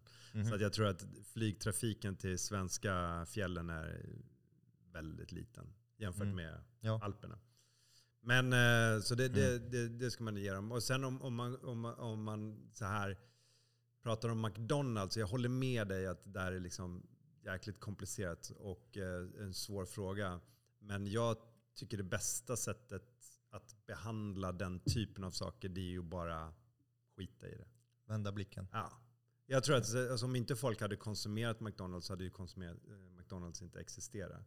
Även om de hade sponsrat skidlandslaget. Men hjälper det inte att McDonalds, eh, alltså när McDonalds... Och det jag ser på McDonalds det är bara en, en minskande. Alltså Mm. under alla, all, I city har de ju stängt ner alla, alla butiker. Det, det har minskat, Och, men det är för att de har eh, ersatts också. Det har kommit eh, andra, andra kedjor som har också ja, det har kommit andra kedjor, men, men den, alltså, alltså snabbmat och liksom snabb konsumtion av kläder och, och sådär. Och det kommer alltid finnas. Och det kommer alltid vara där, men det viktigaste för oss liksom, det är ju att visa att kvalitet och eh, goda saker är, är bättre. Mm. Men det, det är svårt. Det är, det är svårt. Det är svårt. Jag, Eh. jag minns ganska bra när, när McDonalds gjorde samarbete med Djureskog. Och, eh, och just på grund av att de minskade sin, sin andel i Sverige, de kände att Ja. vi måste ha ett litet luft. Och de använde Ja. någonting som de gjorde redan i Spanien, i Frankrike. Att man köper sig en riktigt duktig gastrokock. Ja. Och, Och sen- faktiskt, Tore Wretman öppnade faktiskt eh, Mm. McDonalds på Kungsgatan på Mm. 60-talet. Han var Ja. en av deras affischnamn på den tiden. Ja, Ja. Du, han visste inte bättre. Nej. Ja, Ja, Johan peace. Djureskog, han blev din kompis efter det eller? Nej det- men det, det är klart att det blev... mycket så här alltså, bastukvällar tillsammans. Ja, nej inte riktigt. Och jag på, på, på gott och ont, alltså, jag har tyckt om honom jättemycket. Och det, för mig det var med besvikelse. Dels för att jag var besviken på honom över att han skulle ge sitt namn och, och sen bli tvungen till att snacka en massa skit. För det är också för att kunna göra en sån samarbete, man måste gå framför en kamera och säga brödet det är det bästa som finns på McDonalds. Och, Mm. och att köttet är bra kvalitet med nästan allting, så mycket det går med det. Alltså att man måste snacka skit och sen att han skulle använda ja, så kockeriet när man är, och, och, och vilseleda svenska folket. För man gjorde ett program också, någon börjare åkte till Just det, USA världens samtidigt. Alltså, och det där TV3, var finansierat av McDonalds. Alltså Mm. McDonalds och det är det McDonalds har varit ju. duktiga att bygga. Och de ökade sin omsättning som fan efter Mm. samarbetet med Julius Cook. Ja, Och det- det var nog lite upp och ner. Nej, nej, men alltså, då, två år de hade ökat omsättning väldigt omfattande. Ända till Johan gjorde- tänkte jag gör ett eget McDonalds. Ja precis. Han är lite Jag ska bli bättre än dem och göra så. Ja, men eh, nu, Det jag måste har, man ge eh, honom ju. Det är lite coolt ändå ju. Ja, alltså han, han gjorde inte det. Axfood gjorde det. Men eh, han är bara ett namn och Ja. han är bara en, en, eh, en, alltså, han, det är han är en marionett. Det Alltså, är vågat. Nej, jag vet inte. Eh, jag, jag är inte så säker på att det, att det är vågat. Det är med vågade saker att göra om man vill jobba för bra mat, om man bryr sig om gastronomi om Ja. Norden. Men det som störde mig också på den tiden, det är att också eh, när ingen sa någonting, det blev ingen röst utåt. Det, blev ingen journalistik som granskade det här typen av samarbete. Det fanns ingen möjlighet till debatt. Och det endaste jag gjorde, jag väntade, för det här det Var det på släpptes... Instagram du släppte något? Ja, men alltså det var ju dagen innan första, första april. Eh, och jag tänkte om jag skriver den här första april, alla kommer tro att jag skämtar att Jure Skog ska göra en kampanj, ska göra hamburgare på Ah, okej. McDonalds. Så att jag väntade 3 april, tänkte så att första april skämten lägger sig ner. Och eh, jag skrev bara Edo AG, Edo Roffe. Mhm. Jag kommer inte att äta här för jag vill äta mat från folk som har värderingar som jag ser upp till. Så eh, vad är man inte beredd att göra för pengar? Typ. Det är det jag skrev, inget mer. Och det, sen det är, det är Johan som satte ribban genom att svara och skriva du din jävla pajas. eh, om du visste vad hela kokbranschen tycker om dig. Ah, wow. Det är det. Och, det- och det var det här, aha, alltså samarbete med McDonalds. eh, första mothugg som kommer, ni har en strategi som är okej, Mm. man går på mig som en pajas och, Mm. och så här istället för att bemöta mig, bemöta mig på ett, på ett intelligent sätt. Ja. Jag tycker inte att det var så genomtänkt. Jag förstår att han är här impuls och så. Han satt där och sa fan jävla fransman. Ja, och så.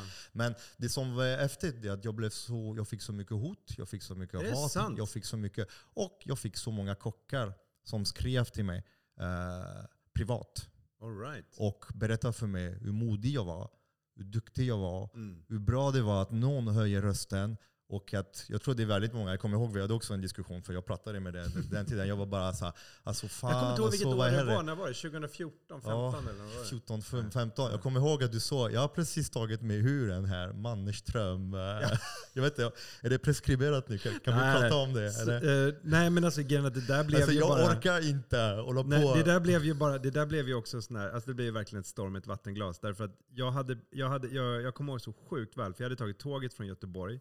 Och sen hade jag- hade jag käkat en Mannerströms eh, räkmacka på tåget. Och det var, alltså det var den äckligaste. Det var, det var ju typ någon sån här, precis någon sån pågen-grej. Mm, och sen var så du vet såna här höna. maskinskalade grejer. Och så någon, du vet, så någon sån industrimajonnäs uppe på. Mm. Så någon tragisk dillkvist på den här mackan.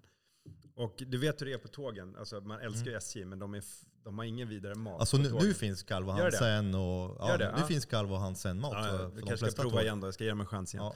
Men i alla fall, den här, det här då, då, och, sen så, och då hade jag ju suttit och ätit den här mackan. Och det var det enda liksom, alternativet på SJ då. Och, så, och den, var ju, den var ju dyr också. Ehm, Det är klart Mannerström ska få betalt också. ja, det är klart den ska betalt. Eh, och sen så går jag då av på centralen och så ringer mobilen. Och så är det då, på den här tiden, jag kommer ihåg, det var ju sådana här fem snabba i Aftonbladet. Jag vet inte om du kommer ihåg det?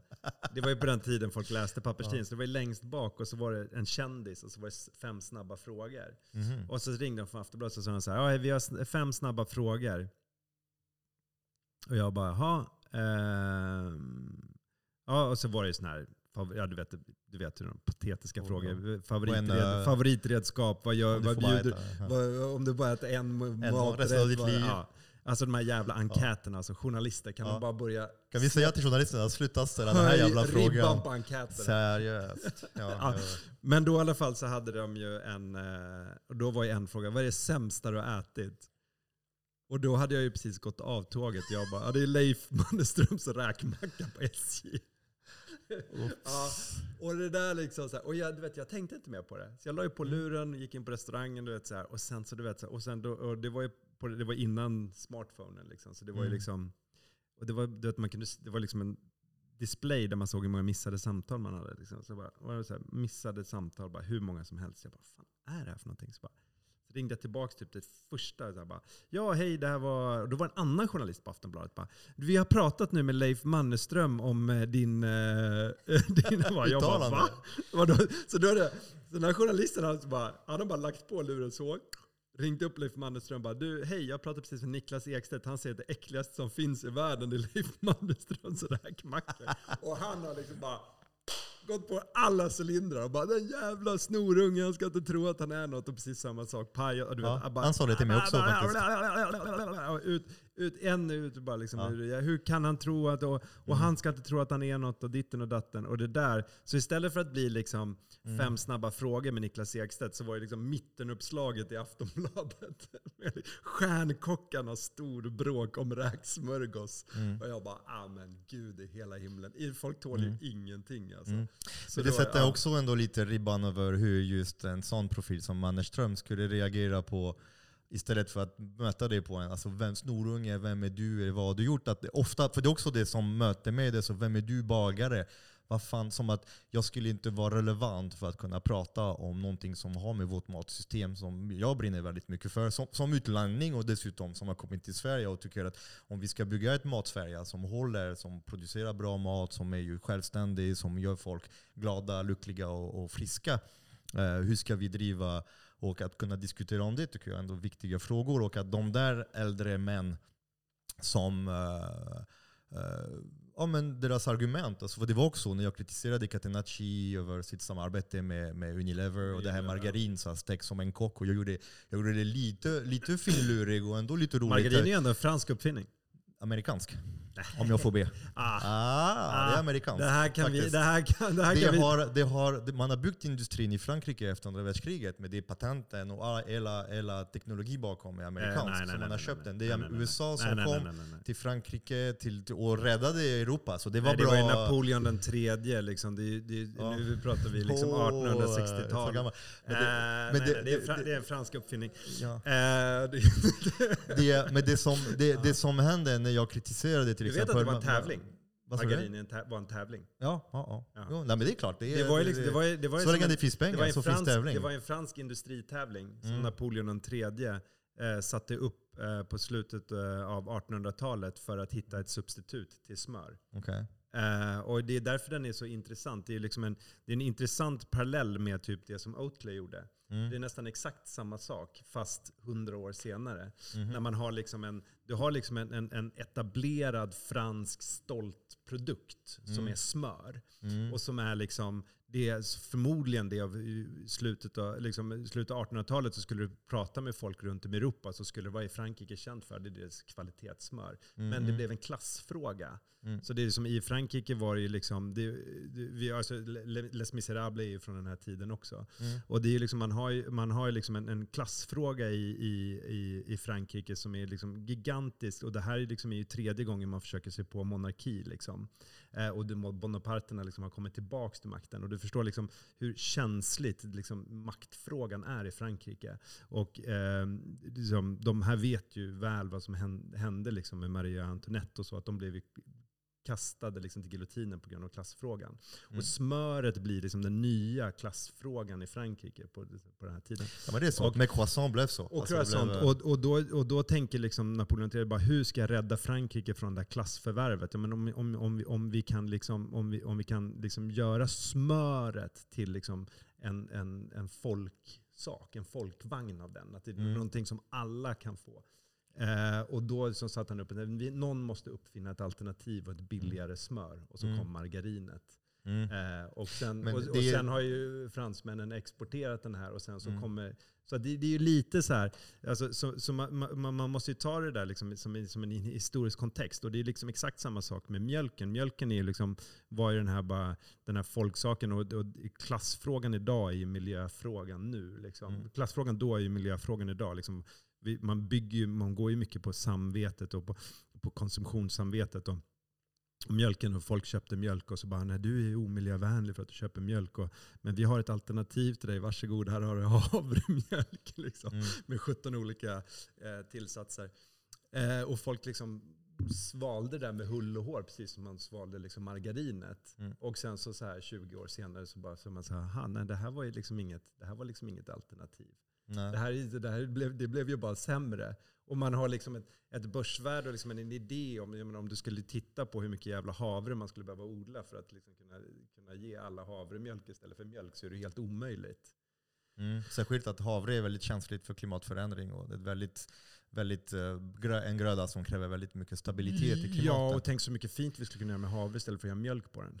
Ja. Alltså, vi skulle ju kunna göra hur mycket som, saker som helst. Ja, och frågan, frågan om mjölken är ju just att ehm, eh, mjölk är väldigt bra om den är producerad på ett bra sätt. Det är Mm. själva systemet som har byggt ett industri, har byggt ett mjölksystem som är byggt Mm. på avkastning. För att, och då är det bonde, för det är inte en klassfråga längre, mjölken. Som du sa, det är att för det, mjölk är så billigt så det Mm. verkligen alla har råd att köpa mjölk. Frågan är, har alla råd att, att stötta ett Ja. mjölkindustri som gör klimaten och Men- som skapar övergödning i Östersjön? däremot så tror jag, liksom, alltså rent som en kock, liksom, produktmässigt, så tror jag ändå så här, havremjölken har ändå en funktion och en plats. Alltså gör man Mm. sin egen havremjölk, eller man kan använda den ibland i ganska små, alltså rent i matlagningsmässigt så kan du ju använda den. Mm. Ja, om du har någon som är laktosintolerant eller liksom någon vegan och så, här, så finns den liksom, den, den, så margarin är svårare.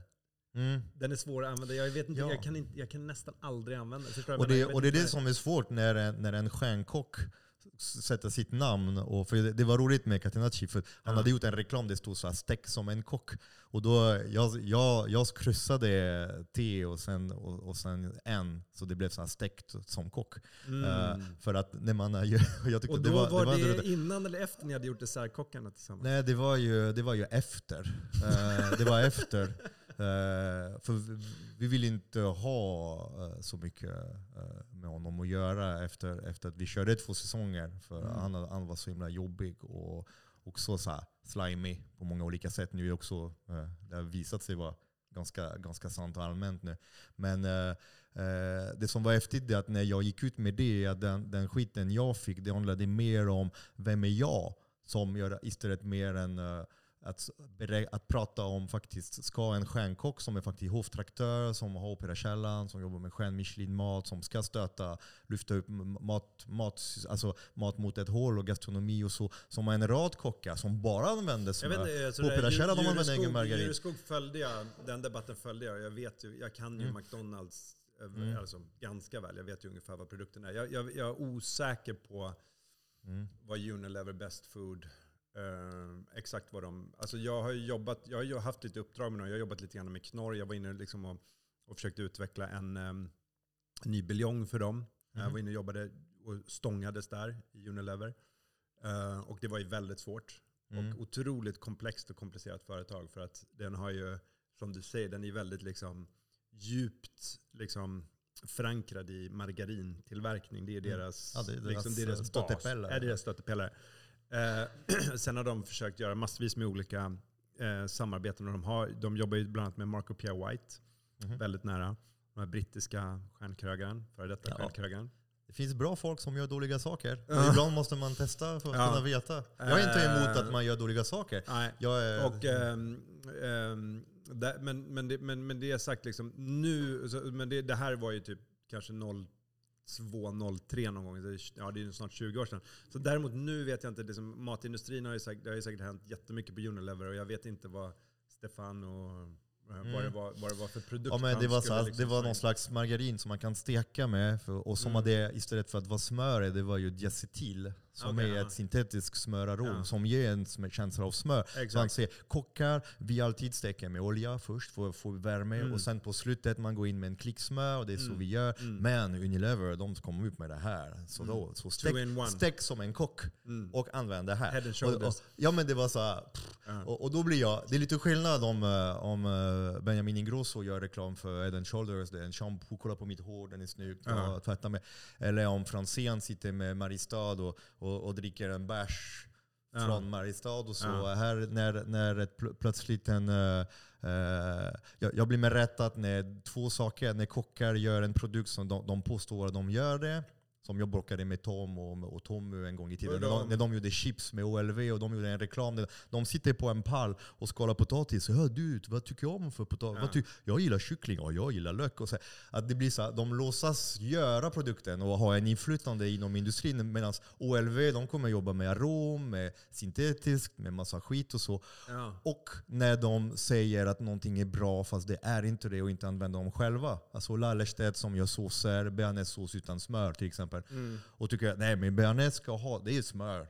Det är en fransk sås med smör och man gör bearnaisesås. Så. Och sen plötsligt man gör en, själv gör, Han åh gjorde det här. McDonalds reklam. Ja, jag vet, jag vet. Ja. För, att köpa, för att 90-talet. köpa en stikugn för sina kockar. Men var- det, det tyckte jag ändå var ett fint... men han sa att han gjorde det för pengar. ja. Det som störde mig med Jureskog, det han sa att han gjorde det för att stötta ett bra företag, för att gynna ett företag som knyter ihop säcken bra, ger bra jobb för ungdomar och gör så mycket bra. Och Ja. när jag tänker McDonalds, jag kan inte låta bli att tänka McDonalds India, McDonalds eh, alltså Argentina, Brasil, USA som skapar övervikt. Mm. Och, du tänker nog lite Det är ett större. globalt företag. Mer, du, du tänker mer. Ja, än men om man gör ett samarbete med Nike, man går inte med det där, alltså man gör ett samarbete med ett företag, en, en, en helhet. Det är därför jag, det är så svårt att göra samarbete för de flesta företag. De har ju, ju rötter. I, i, man måste se det globala. När man stöttar McDonalds i Sverige, alltså man står för ett varumärke. McDonalds Argentina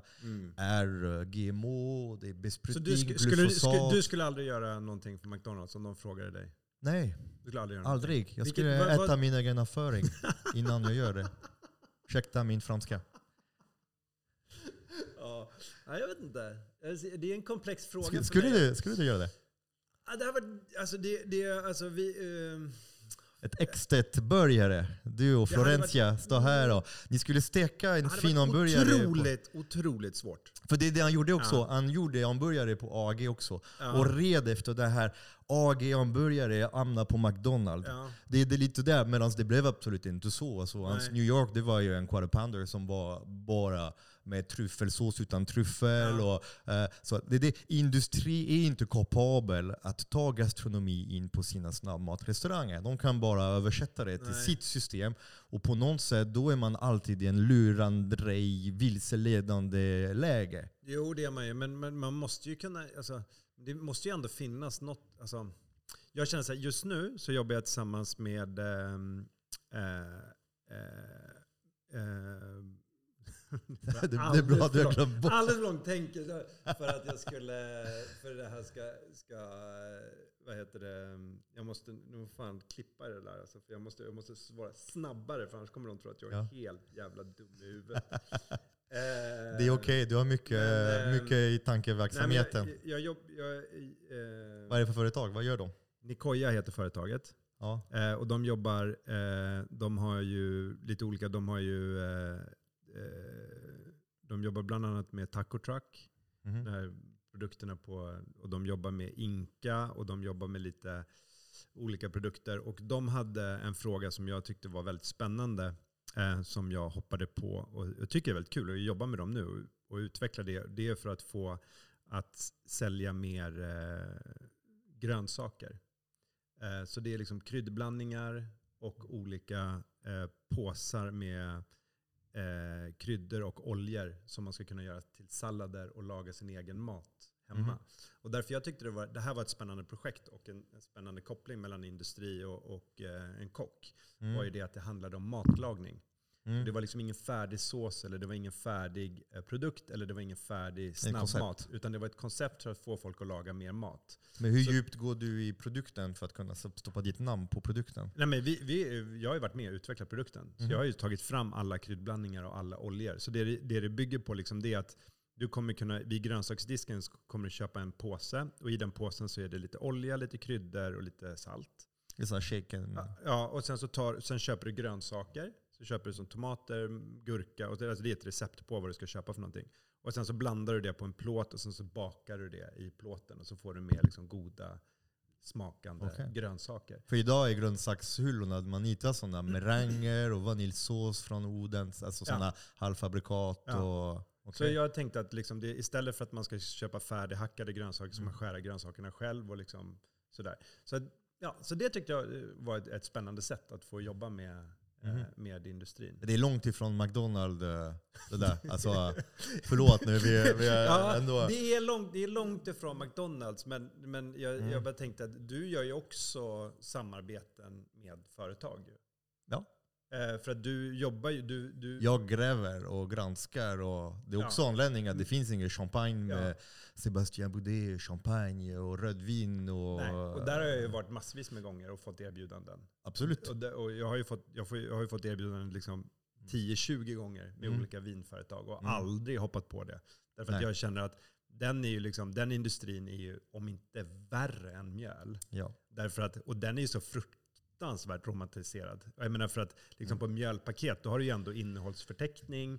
Alltså pågen, säga vad man vill. Jag vet att du är ingen större fan av, av lingongrova. Men det är ju ändå en innehållsförteckning och du kan ju gå in på deras hemsida och de är ju transparenta med vad de har i för skit.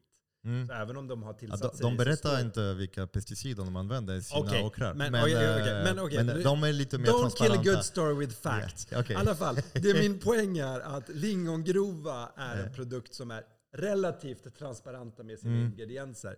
Medan en vinflaska är noll. Ja, de får inte Nej, berätta. nej alltså, om, du vet, så här, eh, går det, alltså, du vet alltså, när min mamma går och handlar bag-in-box liksom, från Spanien på Systembolaget ja.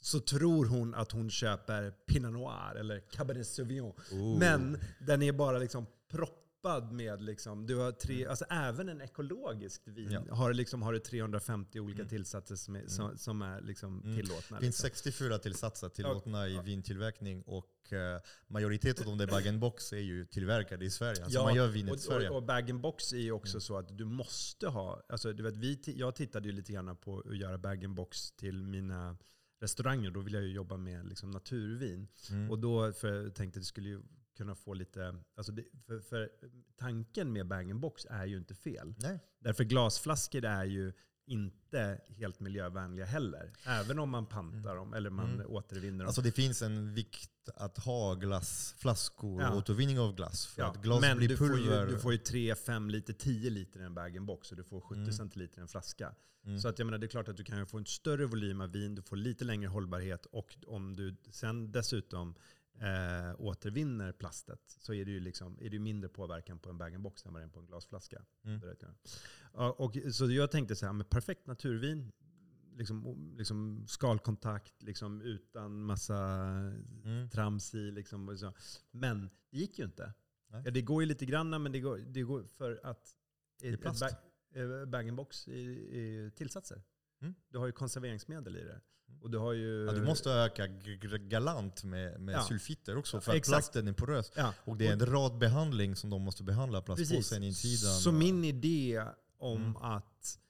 Eh, en, och då börjar man tänka så här, vad fan, vad fan är det de har i den här skiten? Liksom? Mm. Och jag är helt övertygad om att den här bag-in-box-vinerna med alla dess tillsatser och, all, och, och all, all, alla kemikalier man använder på jordbruket för att kunna tillverka den här produkten kommer bli vår tids cigaretter.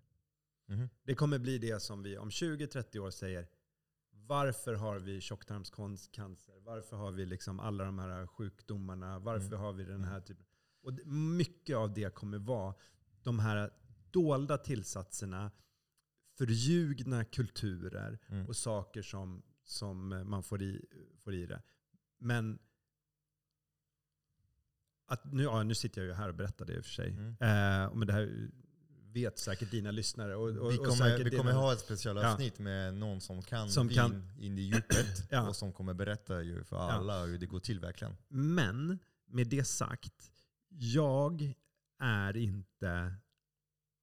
eh, Mitt, jag känner inte att det är mitt uppdrag att berätta vad det är för skit i bag-in-box. Utan det jag vill berätta det är hur fantastiskt gott Ja. det här alternativvinet är. Mm. Och, hur, och liksom, vad, vad, vilket underbart vin du kan dricka som Mm. inte har alla de här sakerna i Mm. sig.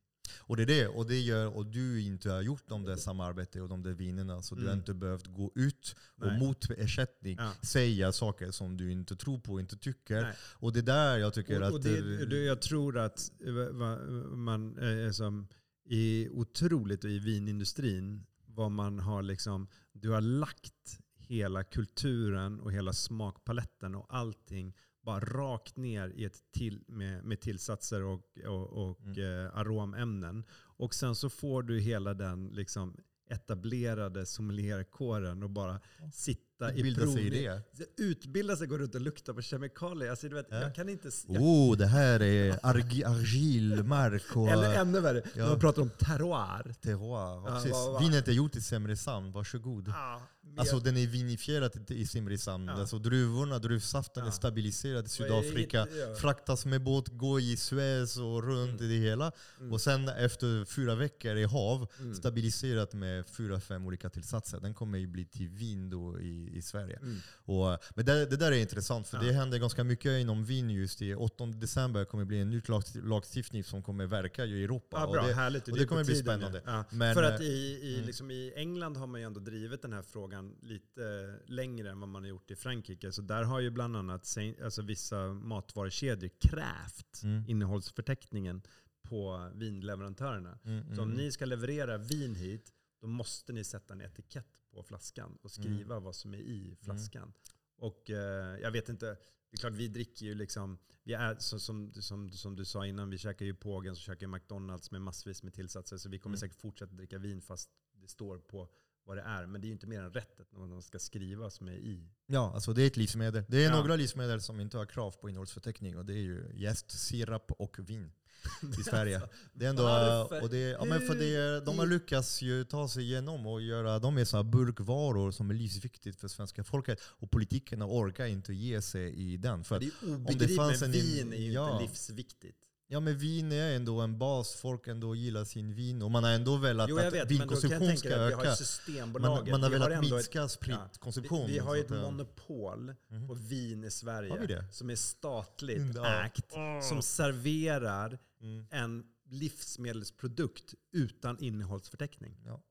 Ja, ja det, är, det är så sjukt. Ja. Jag brukar säga att eh, de flesta viner på Systembolaget, det är lite lingongrova. Ja. Alltså det är Tänk om man skulle börja göra så med vattnet eh, ja. i kranen. Mm. Att vi hade 14 tillsatser i vattnet som ingen gick Mm. ut och sa. Ja, alltså det funkar för det mesta. Alltså det finns 14 tillsatser i de Ja. flesta livsmedel som är basvaror. Och det är lite där man vill, man vill få bort den här klassfrågan och börja tänka på att eh, ja, men varför, varför ska man ha, om man har in, inte mycket pengar, varför ska man in, ha bara tillgång till livsmedel som är laddat med tillsatser, skräp från industrin som är laddat med aromer och, och som är tom på näring. Eh, För det är det man ser, trenderna. Det är i och för sig, Eh, vin har inte så mycket näring. Det är, alltså vin har väldigt mycket näring när den är gjort på, på ett bra sätt. Alltså det finns otroligt mycket, alltså du som har varit med lite blå, blå, blåa zoner Ja, ute i ja. världen. Alltså ett, ett, lite vin här och där är ju, är ju ett väldigt nyttigt eh, livsmedel. Mycket antioxidanter och sen det är också en, en mark som inte skulle kunna använda till annat, där druvor kan trivas fint och Mm. eh, det gynnar ju bi- biologisk mångfald. Det skapar bra vi sysselsättning om det gör det på vi rätt sätt. kunna, ja, ja, absolut. ja, det där Alltså, vi prata och om vin, all är, vin är så jävla gott också. Ja, om man, jo, jo, det är eh, om gott och börjar- uh, det finns, det Mm. finns ju fantastiska mycket mer mervärden med gastronomi Mm. och det höjer ju liksom din, din mat. Och det är ju så också så att när man dricker i lugn och ro eh, och man sitter liksom, men problemet är att alkohol konsumeras ju i, i fel miljöer och, och Mm. i, i, fel sammanhang. Och att eh, jag tror att vi, alltså, vi måste vara mer tacksamma för det, det vi äter och det vi dricker och kunna göra det i en, i en, mer lugn eh, atmosfär. Mm. Och den där, den där atmosfären den är ju så otroligt hotad idag. Alltså, du, om du, om både familjemiddagen och, och, och eh, lugnet liksom i, en, i en måltid är ju någonting som är, som är det mest hotade egentligen. Mm. Eh, och eh, den, den, den måste vi ju ta tillbaka om man ska kunna få lite lugn och ro. Och det är där brödet kommer in. För Ja, ja. brödet, man har det här begreppet kumpanne, alltså att eh, ordet copain som betyder vän är på franska, det Mm. kommer från att bryta bröd.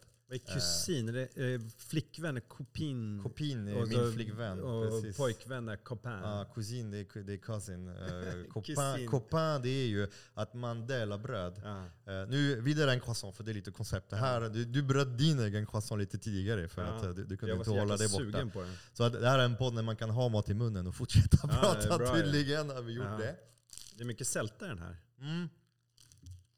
Det är... Uh, uh, tycker det är, ett, det är ett väldigt viktigt budskap den, att eh, använda måltiden som ett moment där man kan Din var samlas. bättre på Söder. Mm. Jag måste säga att eh, för att försvara Alfred nu som har bakat den croissant. Det är en annan typ Det av ja, men alltså det är um, lite vitare mjöl där, men det är, det är väldigt gott smör och eh, den är lite mer matig. Mm. Eh, den, för den är lite mer sälta. Men eh, jag vill inte släta ut där Sverige och, och säga en croissant ska vara si och så. Nej. När de som gör bra nästan hela vägen, jag låter dem vara och hitta sig själva och ha sin egen resa. De som gör alla fel behöver mig hjälp. Och det är lite det jag försöker göra nu. Och försöka hjälpa dem som är helt vilse. Och, eh, för de kan riktas mot rätt håll.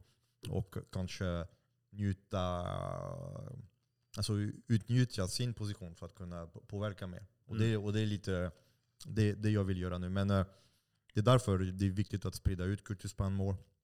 Eh, Och jag vet att på, på Extet ni har ett väldigt, väldigt stort prioritering på bröd. Alltså, Mm. du, är en av, du är en av de få kockar som har verkligen Är det så? förstått. Ja, Alltså, men, eh, det finns, alltså jag menar, det är fler det är som fler, har blivit men typ som intresserade. Franzén, har de, Men det de är- har väl, lägger väl mycket tid på bröd? Ja, alltså, Ja. Jag, jag, jag har varit där. Alltså, du vet ju det med Franzén. När, de, Mm. när, de, när, de slut, när, när, när Lindeberg slutade Mm. och, och Mm. Ja, då blev- hade de inget bröd ja, alls. då och var det inget bröd. Då var det någon jävla surdegssoppa.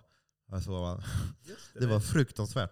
Eh, Det var någon sån här sur soppa, så här surdegssoppa. Och, och, sen, eh, och sen Björn förstod att för att ha tre stjärnor Michelin, man måste ha bra bröd. Alltså, Mm. Det kommer inte gå med ett franskt system eh, och, och inte ha bröd. Så han, han, han, han frågade mig om, om jag kunde hjälpa till. Och hans Mm. första tanke det var, Åh, kan det jäsa på bordet? Och det ska... Jag var nej.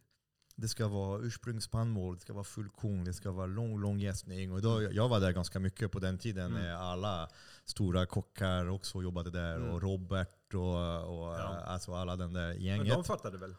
De älskade det. Ja. Alltså, de var så kära i allting och Mm. de började lägga så mycket. Och det där min hopp kom också. Och det är också därför jag har lagt så mycket tid på, på stjärnkrögare och, och, och lyxkrogar. Mm. För jag tycker att ni sitter i, i framkanten av Mm. nordisk gastronomi. Lite som Noma har gjort. kunna- Och, Skulle man kunna ta betalt? Alltså, alltså, jag, alltså min måltid kostar ju tusentals kronor så vi kan Mm. ju inte ta betalt extra för brödet. Men Nej. många andra restauranger tror jag ändå man skulle kunna göra. Om man gjorde ett högkvalitativt bröd skulle man Mm. ändå kunna ta lite grann betalt. men det är många som gör det. Alltså Ja, det vinbarer, det agri- agrikultur, Ja. och Gemla Ja. och Savant. Alltså savant. Men då gör man en servering. Då kommer den med någon Mm. moj och dopp och ost och grejer. Och Det är blir- nice. Det är supernice. För det Alltså bröd ska bli- inte vara gratis. Nej, bröd för det, är, då får man ju också en merförsäljning, man får en idé om att man vill göra någonting. Eh, och ehm, ja, det är inte så. Men det är, och det är lite det som är efter. Det är därför jag tänker att eh, om, om, bröd kan, om människor kan få ett brödupplevelse på krog, att det kan ju också förlängas vidare sen. Att, eh, alltså, bra kockar som har förstått att bröd är det första man stoppar i munnen när man går på krog. Det är det första kontakt man har med köket, första kontakt man har med kockens värderingar. Mm. Att det, är en, det är en fråga om att skapa trygghet. När jag går på, på en restaurang, när, när jag går hos er och så, Mm. om man får brödserveringen, alltså den kommer. Jag, bara, Mm. jag blir lite 10 kilo tyngre på min stol och bara Mm. lutar mig, relaxa, känner fan det här kommer gå bra. Ja, alla, det- alla, alla ser nog inte brödet så som du gör. Men absolut är det någonting som kan höja någonting. Uh, men, men en annan sak när vi ändå är inne på bröd. ehm, det känns som temat här. Uh, så var jag, när jag var i Italien. Så någonting som slog mig, jag var i Neapel och jag hade en helt fantastisk resa tillsammans med Christian Puglisi. Som är eh, italiensk dansk kock. Har sin restaurang Beast i Köpenhamn som man ska gå på. Tycker jag är Mhm. fantastisk. Jag har inte varit där. Eh, men han, eh, han visade mig runt i Italien. Och sen så, då, och sen så hade han ju då det så här, en, eh, I Italien så, så kulturmärker man ju och man, man, man kan ju få en sån här napoleansk liksom stämpel på pizzan. Och sen så typ så här, tredje dagen så förklarade han det här för mig. Liksom, att han var ju lite grann emot det här. Mm. Att han tyckte att, liksom att eh, sigillmärka liksom, eller liksom, ge de här liksom en, en, en stämpel är en, en märklig sak tyckte han. Det är som, det är som fel. Och, och då berättade han ju, liksom, det är ju för att all, alltså när man då bestämde sig för den här typen av certifiering, då var ju den industriella revolutionen och liksom det moderna jordbruket så långt gånget i Italien. Så det man gjorde var att man pinpointade liksom vad en, en napoleansk pizza skulle vara. Men då var det liksom trippel 00 mjöl. Det var ju De liksom, hade satt sin tass i det, det. det, var konserverade tomater. Det var liksom en mozzarellaost som var liksom, hade massvis med... En eh, ko som har ätit kraftfoder och Exakt. antibiotika. Och så det fanns, liksom, det fanns liksom ingenting Nej. med liksom en originalet pizza. Utan det här Mm. var ju liksom en, en hårt industrialiserad produkt. Mm. Men den var väldigt lätt att exportera ju. Precis. Därför att mjölet... Standardiserade råvaror är lätt att exportera. Exakt. Så att du fick liksom, den napoleanska pizzan smakade ju ganska likt den napoleanska pizzan i New York, eller Hongkong, Mm. Shanghai eller Ja. Sydney. Ja, eller Falkenberg. Eller Falkenberg. Men det, var, men, men, men, men det, är en, det, är en, det, är liksom, det är ju ingen bra produkt. Nej. Det är som en skitbra. Och det var så, så här, alltså, jag vet att det kanske låter liksom helt självklart, men jag hade aldrig tänkt på det. Nej. Alltså jag hade inte tänkt på det utifrån den, liksom, den, den, det sättet som han förklarade det för mig. Och han förklarade, ja, men har man liksom ett bra mjöl, en bra olivolja och sen gör man en egen god tomatsås. Så har du, liksom, har du, har du en jättebra pizza. Det är, inte svårt. Men så som du gör napoleansk pizza Mm. i, hos Peppe Franco, liksom, Mm. det är inte säkert att du ska göra det i, i Malmö.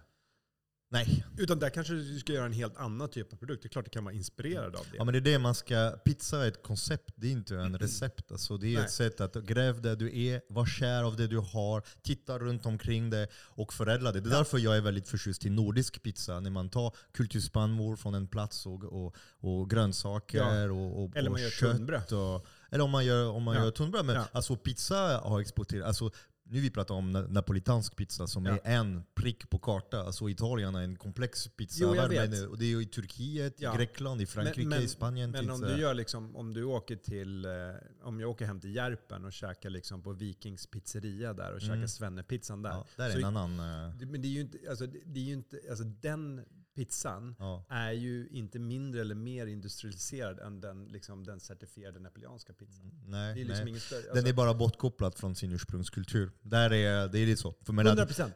När, jag kom 100%. till Sverige, jag har Ja. fått möta den här pizzakulturen som är med, alltså det Ja, är ju gillar inte syrianer, kuroj- ku- kurder. De är, alltså det är folk som har sett det som en, ett affärssystem, alltså ett sätt att försörja sig och jobba hårt. Och, och de upptäckte att svenskarna älskar det här. En stor pizza och ska vi ha ananas på den? Nej, det kan vi inte göra. Ska vi testa? Jo! Och sen det har ledat till kebab, Kebabpizza. banan, curry, alltså, gott. allt möjligt. Ja men eh, jag, jag har ingen värdering i det. Det beror på vad det är för kebab. Om det är kebab eller om det är kebab. Alltså, det är också, vi, det skulle kunna, kebab vi, kebab. skulle, vi skulle kunna prata om kött, eh, köttindustri och, och om det är ost eller om det är ost. Ja. Alltså om det är mjöl eller mjöl och sen om det är olivolja eller kokosfett. Alltså, det är också, eh, jag är inte Jo, italienare men det är nu det här att liksom, jag när inte... man kommer in i det här, du vet, Mm. alltså, desto mer och mer liksom, desto mer och mer insatt man är, desto mer och mer komplext Mm. frågan blir och desto mer och Ja. mer man förstår att det är så fruktansvärt många lager, Ja. desto mer, ännu mer trött blir jag på att försöka predika det. Mm. Därför att det är, liksom, det är, så- alltså, det är, så, det är så lång, lång väg att gå. Och det är det den här det- podden handlar om, att vi ska ju prata Absolut. om alla ämnen och för de som är intresserade. För det är många som faktiskt letar efter svar, de vill förstå och de vill vara bättre. För de kanske inte uh, höll på, alltså du har andra saker att fokusera på. Du har en spetskompetens, du har ett kunskap som är eh, väldigt viktigt för Matsverige. Du driver dina restauranger, dina projekter och så. Då kan du lägga krut på det. Men det Mm. finns folk hemma som ja, men de, de vill äta bra mat. De vill ge bra mat till sina barn. De vill förstå matsystemet, exakt hur den är. Och, och där finns en glapp för att man vet inte. Det är så himla svårt Men är att det veta. någon någonsin i industrin som du känner liksom, har liksom Finax eh, kvarnar eller har Kungsörn eller Max hamburgare eller vem, McDonalds. Är det någon som någonsin har liksom gått till dig och bara kom, vi, vi behöver din kompetens? Vi vill, Ja, eller, pågen, det- eller har de bjudit in dig någon gång och liksom verkligen försökt ja, lyssna på dig? Det är flera. Eh, och jag har föreläst många och jag har suttit på Har det många lett till någon sådana längre möten. relation? Är det någon som du fortfarande har relation med? eller? Nej, för att jag sätter krav på systemförändring från deras sida också. För de är en del av problemet. Så att, att hjälpa dem att bli lite mindre dålig.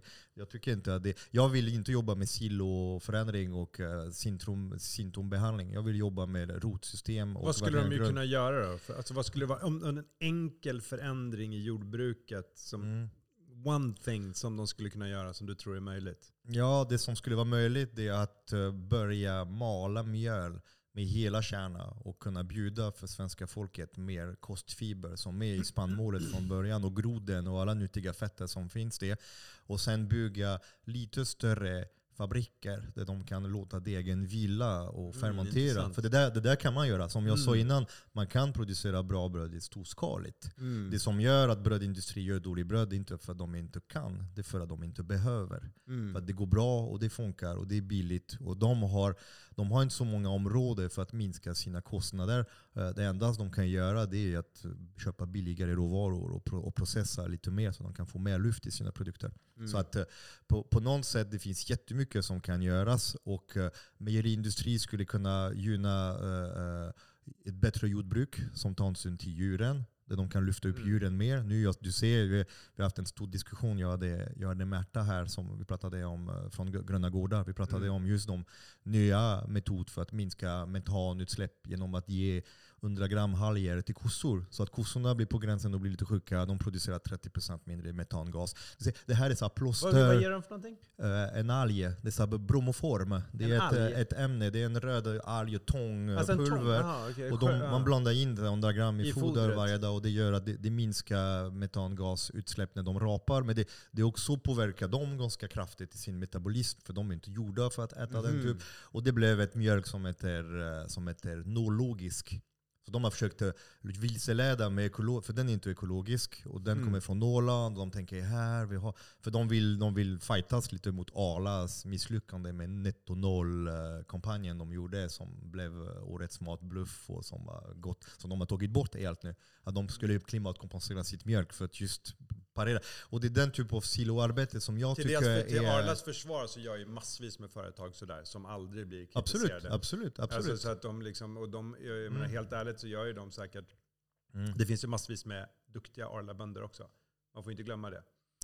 Att det finns Alltså det, som, felet finns inte i böndleden. Människorna, det är inte de. Och De har de är- blivit alltså- tryckt mot vägen med Ja, ett men De är system. satt i ett system som de inte kommer ut. Precis samma sak som Ja. om du liksom säljer naturvin så måste du gå via Systembolaget och så vidare. Absolut. Så att jag, jag, det, är ju liksom, det, är ju, det är ju förenklat att säga liksom att Mm. Arla är onda. Liksom, för att det, finns, det är ju ett komplext system. Alla är onda.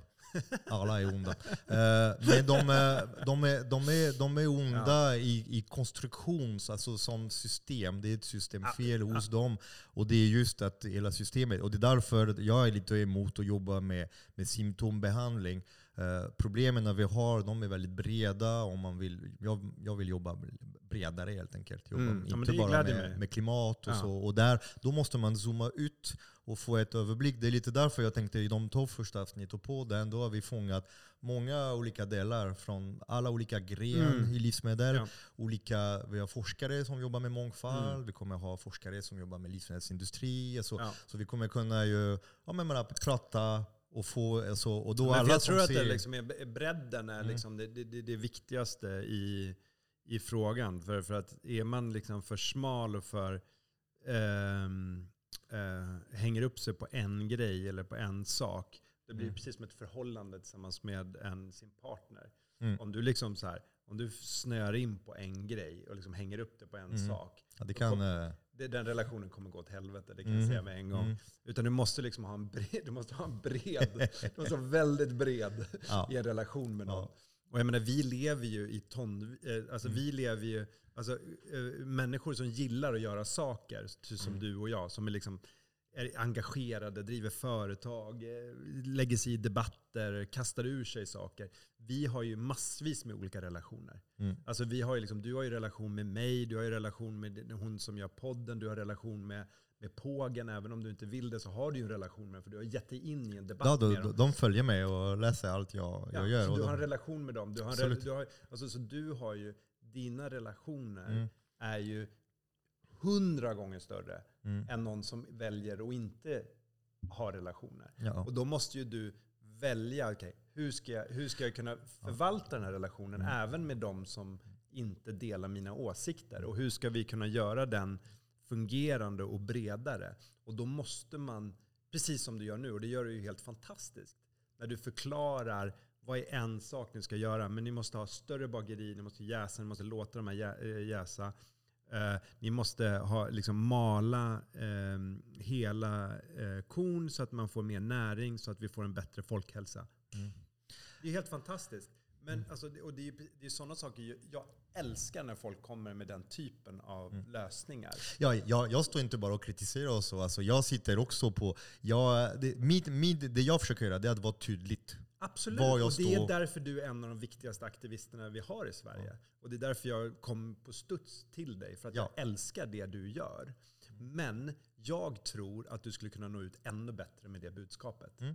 Därför att eh, provocerar man, då, måste, då, då är du ju väldigt bra på att ta kritiken. Men en, en provokation är ju, leder ju också, det vilseleder ju folk. Mm. Det vilseleder ju folk utifrån att de tror att personen är irriterad. Mm. Du är ju ingen irriterad person. Nej, ibland jag låter irriterad för att jag, jag är fransman också. Ibland jag är helt normal och folk tror att så, bråk, varför bråkar du? Jag bråkar inte, jag pratar bara. Ja, ja, okej. ja. Ja, det det är liksom- det är inte annat än en fransk diskussion Ja. säger vad bråkar ni om? Det vi bråkar jag- inte, vi pratar. Nej. Sen så tycker jag att Sverige har ju förändrats otroligt mycket också. Alltså, och vi är mycket mer öppna. Och Mhm. säga liksom att vi inte talar om de här sakerna eller att man inte kan prata om rasism Mm. eller man kan inte prata om invandring. Möjligtvis för 15 år sedan men inte idag. Nej. Idag är vi ganska, vi är ganska rak på. Mm. Vi har liksom en helt annan liksom, debatt. Och personer som du och jag är relevanta. Mm. För 20 år sedan hade vi inte varit det. Jag hade blivit raderat. Totalt. Och det, jag har varit, ja. det har varit många försök att Ja, radera och mig. nu blir Alltså, du, du, blir, du blir ju relevant. Alltså du Mm. är liksom, det, det, det, alltså din röst är ju, liksom, är ju superviktig. Eh, och, men men ehm, eh, det gäller ju att du verkligen eh, försvarar det. Ja. Och att du gör det utan att låta, eh, låta den, den här den, det du gör som är provocerande ta över. Mm. Livet är ungt. Jag har eh, mycket, alltså jag, jag är snart 48, jag känner att jag har ändå no, några bra år framför och jag lär mig saker hela tiden. Ja. Och lite det det, det handlar om. Nu, eh, eh, vi kommer avrunda lite. Ja, nu ska jag avrunda lite, alltså, för nu vi ska jag kan- gå och vi träffa, kan- vi kan nu ska jag gå och träffa så- Visit Danmark. Vi kan, vi kan prata så himla länge om allting. Alltså, eh, stort tack för att du, du var med. Ja, nej, men det var helt underbart. Det är jättekul och jag är hedrad. Ja, och eh, eh, ni där ute som tittar på YouTube, alltså, ni vet hur det funkar med algoritmer. Tummen upp, skriv en kommentar. Alltså, är det någonting som vi har pratat in, vi kan fortsätta debatten där. För det är sjukt intressant. Vi kommer läsa, du får också säkert läsa lite grann eh, på dina snitt om det är jag någonting jag som undviker läsa du- saker på nätet. du, du undviker. Jag kan, jag kan filtrera av det. Ja. Eh, jag ser fram emot och, och min nästa middag på Extet. För jag älskar, inte, vi har inte hunnit prata om Florencia. och, öppnat lunch. Ni har öppnat lunch. Fan, fantastiskt. Så på lördagar så har vi lunchservering. Det är synd, vi har, vi, har inte pratat om din förmåga att lyfta upp andra som jag tycker är också fantastiskt. Men Tack det får, vara, det får vara en, Ja. annan, en annan avsnitt för Ja. det, det är få som Det gör det så bra som Det är du. väldigt få som ger mig komplimanger för det. Ja, och det Och är det- någonting som jag tänker Ja. hela tiden. Hur eh, du har skapat en, en scen för artister att kunna ju spela sin musik. Eh, Det är, och får jag du- sällan, sällan det- komplimanger okej. för. Och Ja, någonting som jag ehm, själv eh, tycker att det är, någonting, Ja. det är den saken jag har gjort och jag kommer lämna efter mig som jag är mest Mm. stolt över. Men det är Mm. den saken också jag Mm. får minst Ja. komplimanger för. och säga att jag, det jag för. jag, jag ger inte mycket komplimanger. eh, men när, när jag Jo, ger det det, det, är, det. det är Det på var- riktigt. Det Ja. är på riktigt. Tack så mycket Sebastian. Eh, tack så mycket Niklas. Tack. Tack för att ni lyssnade och tittade. Fan vad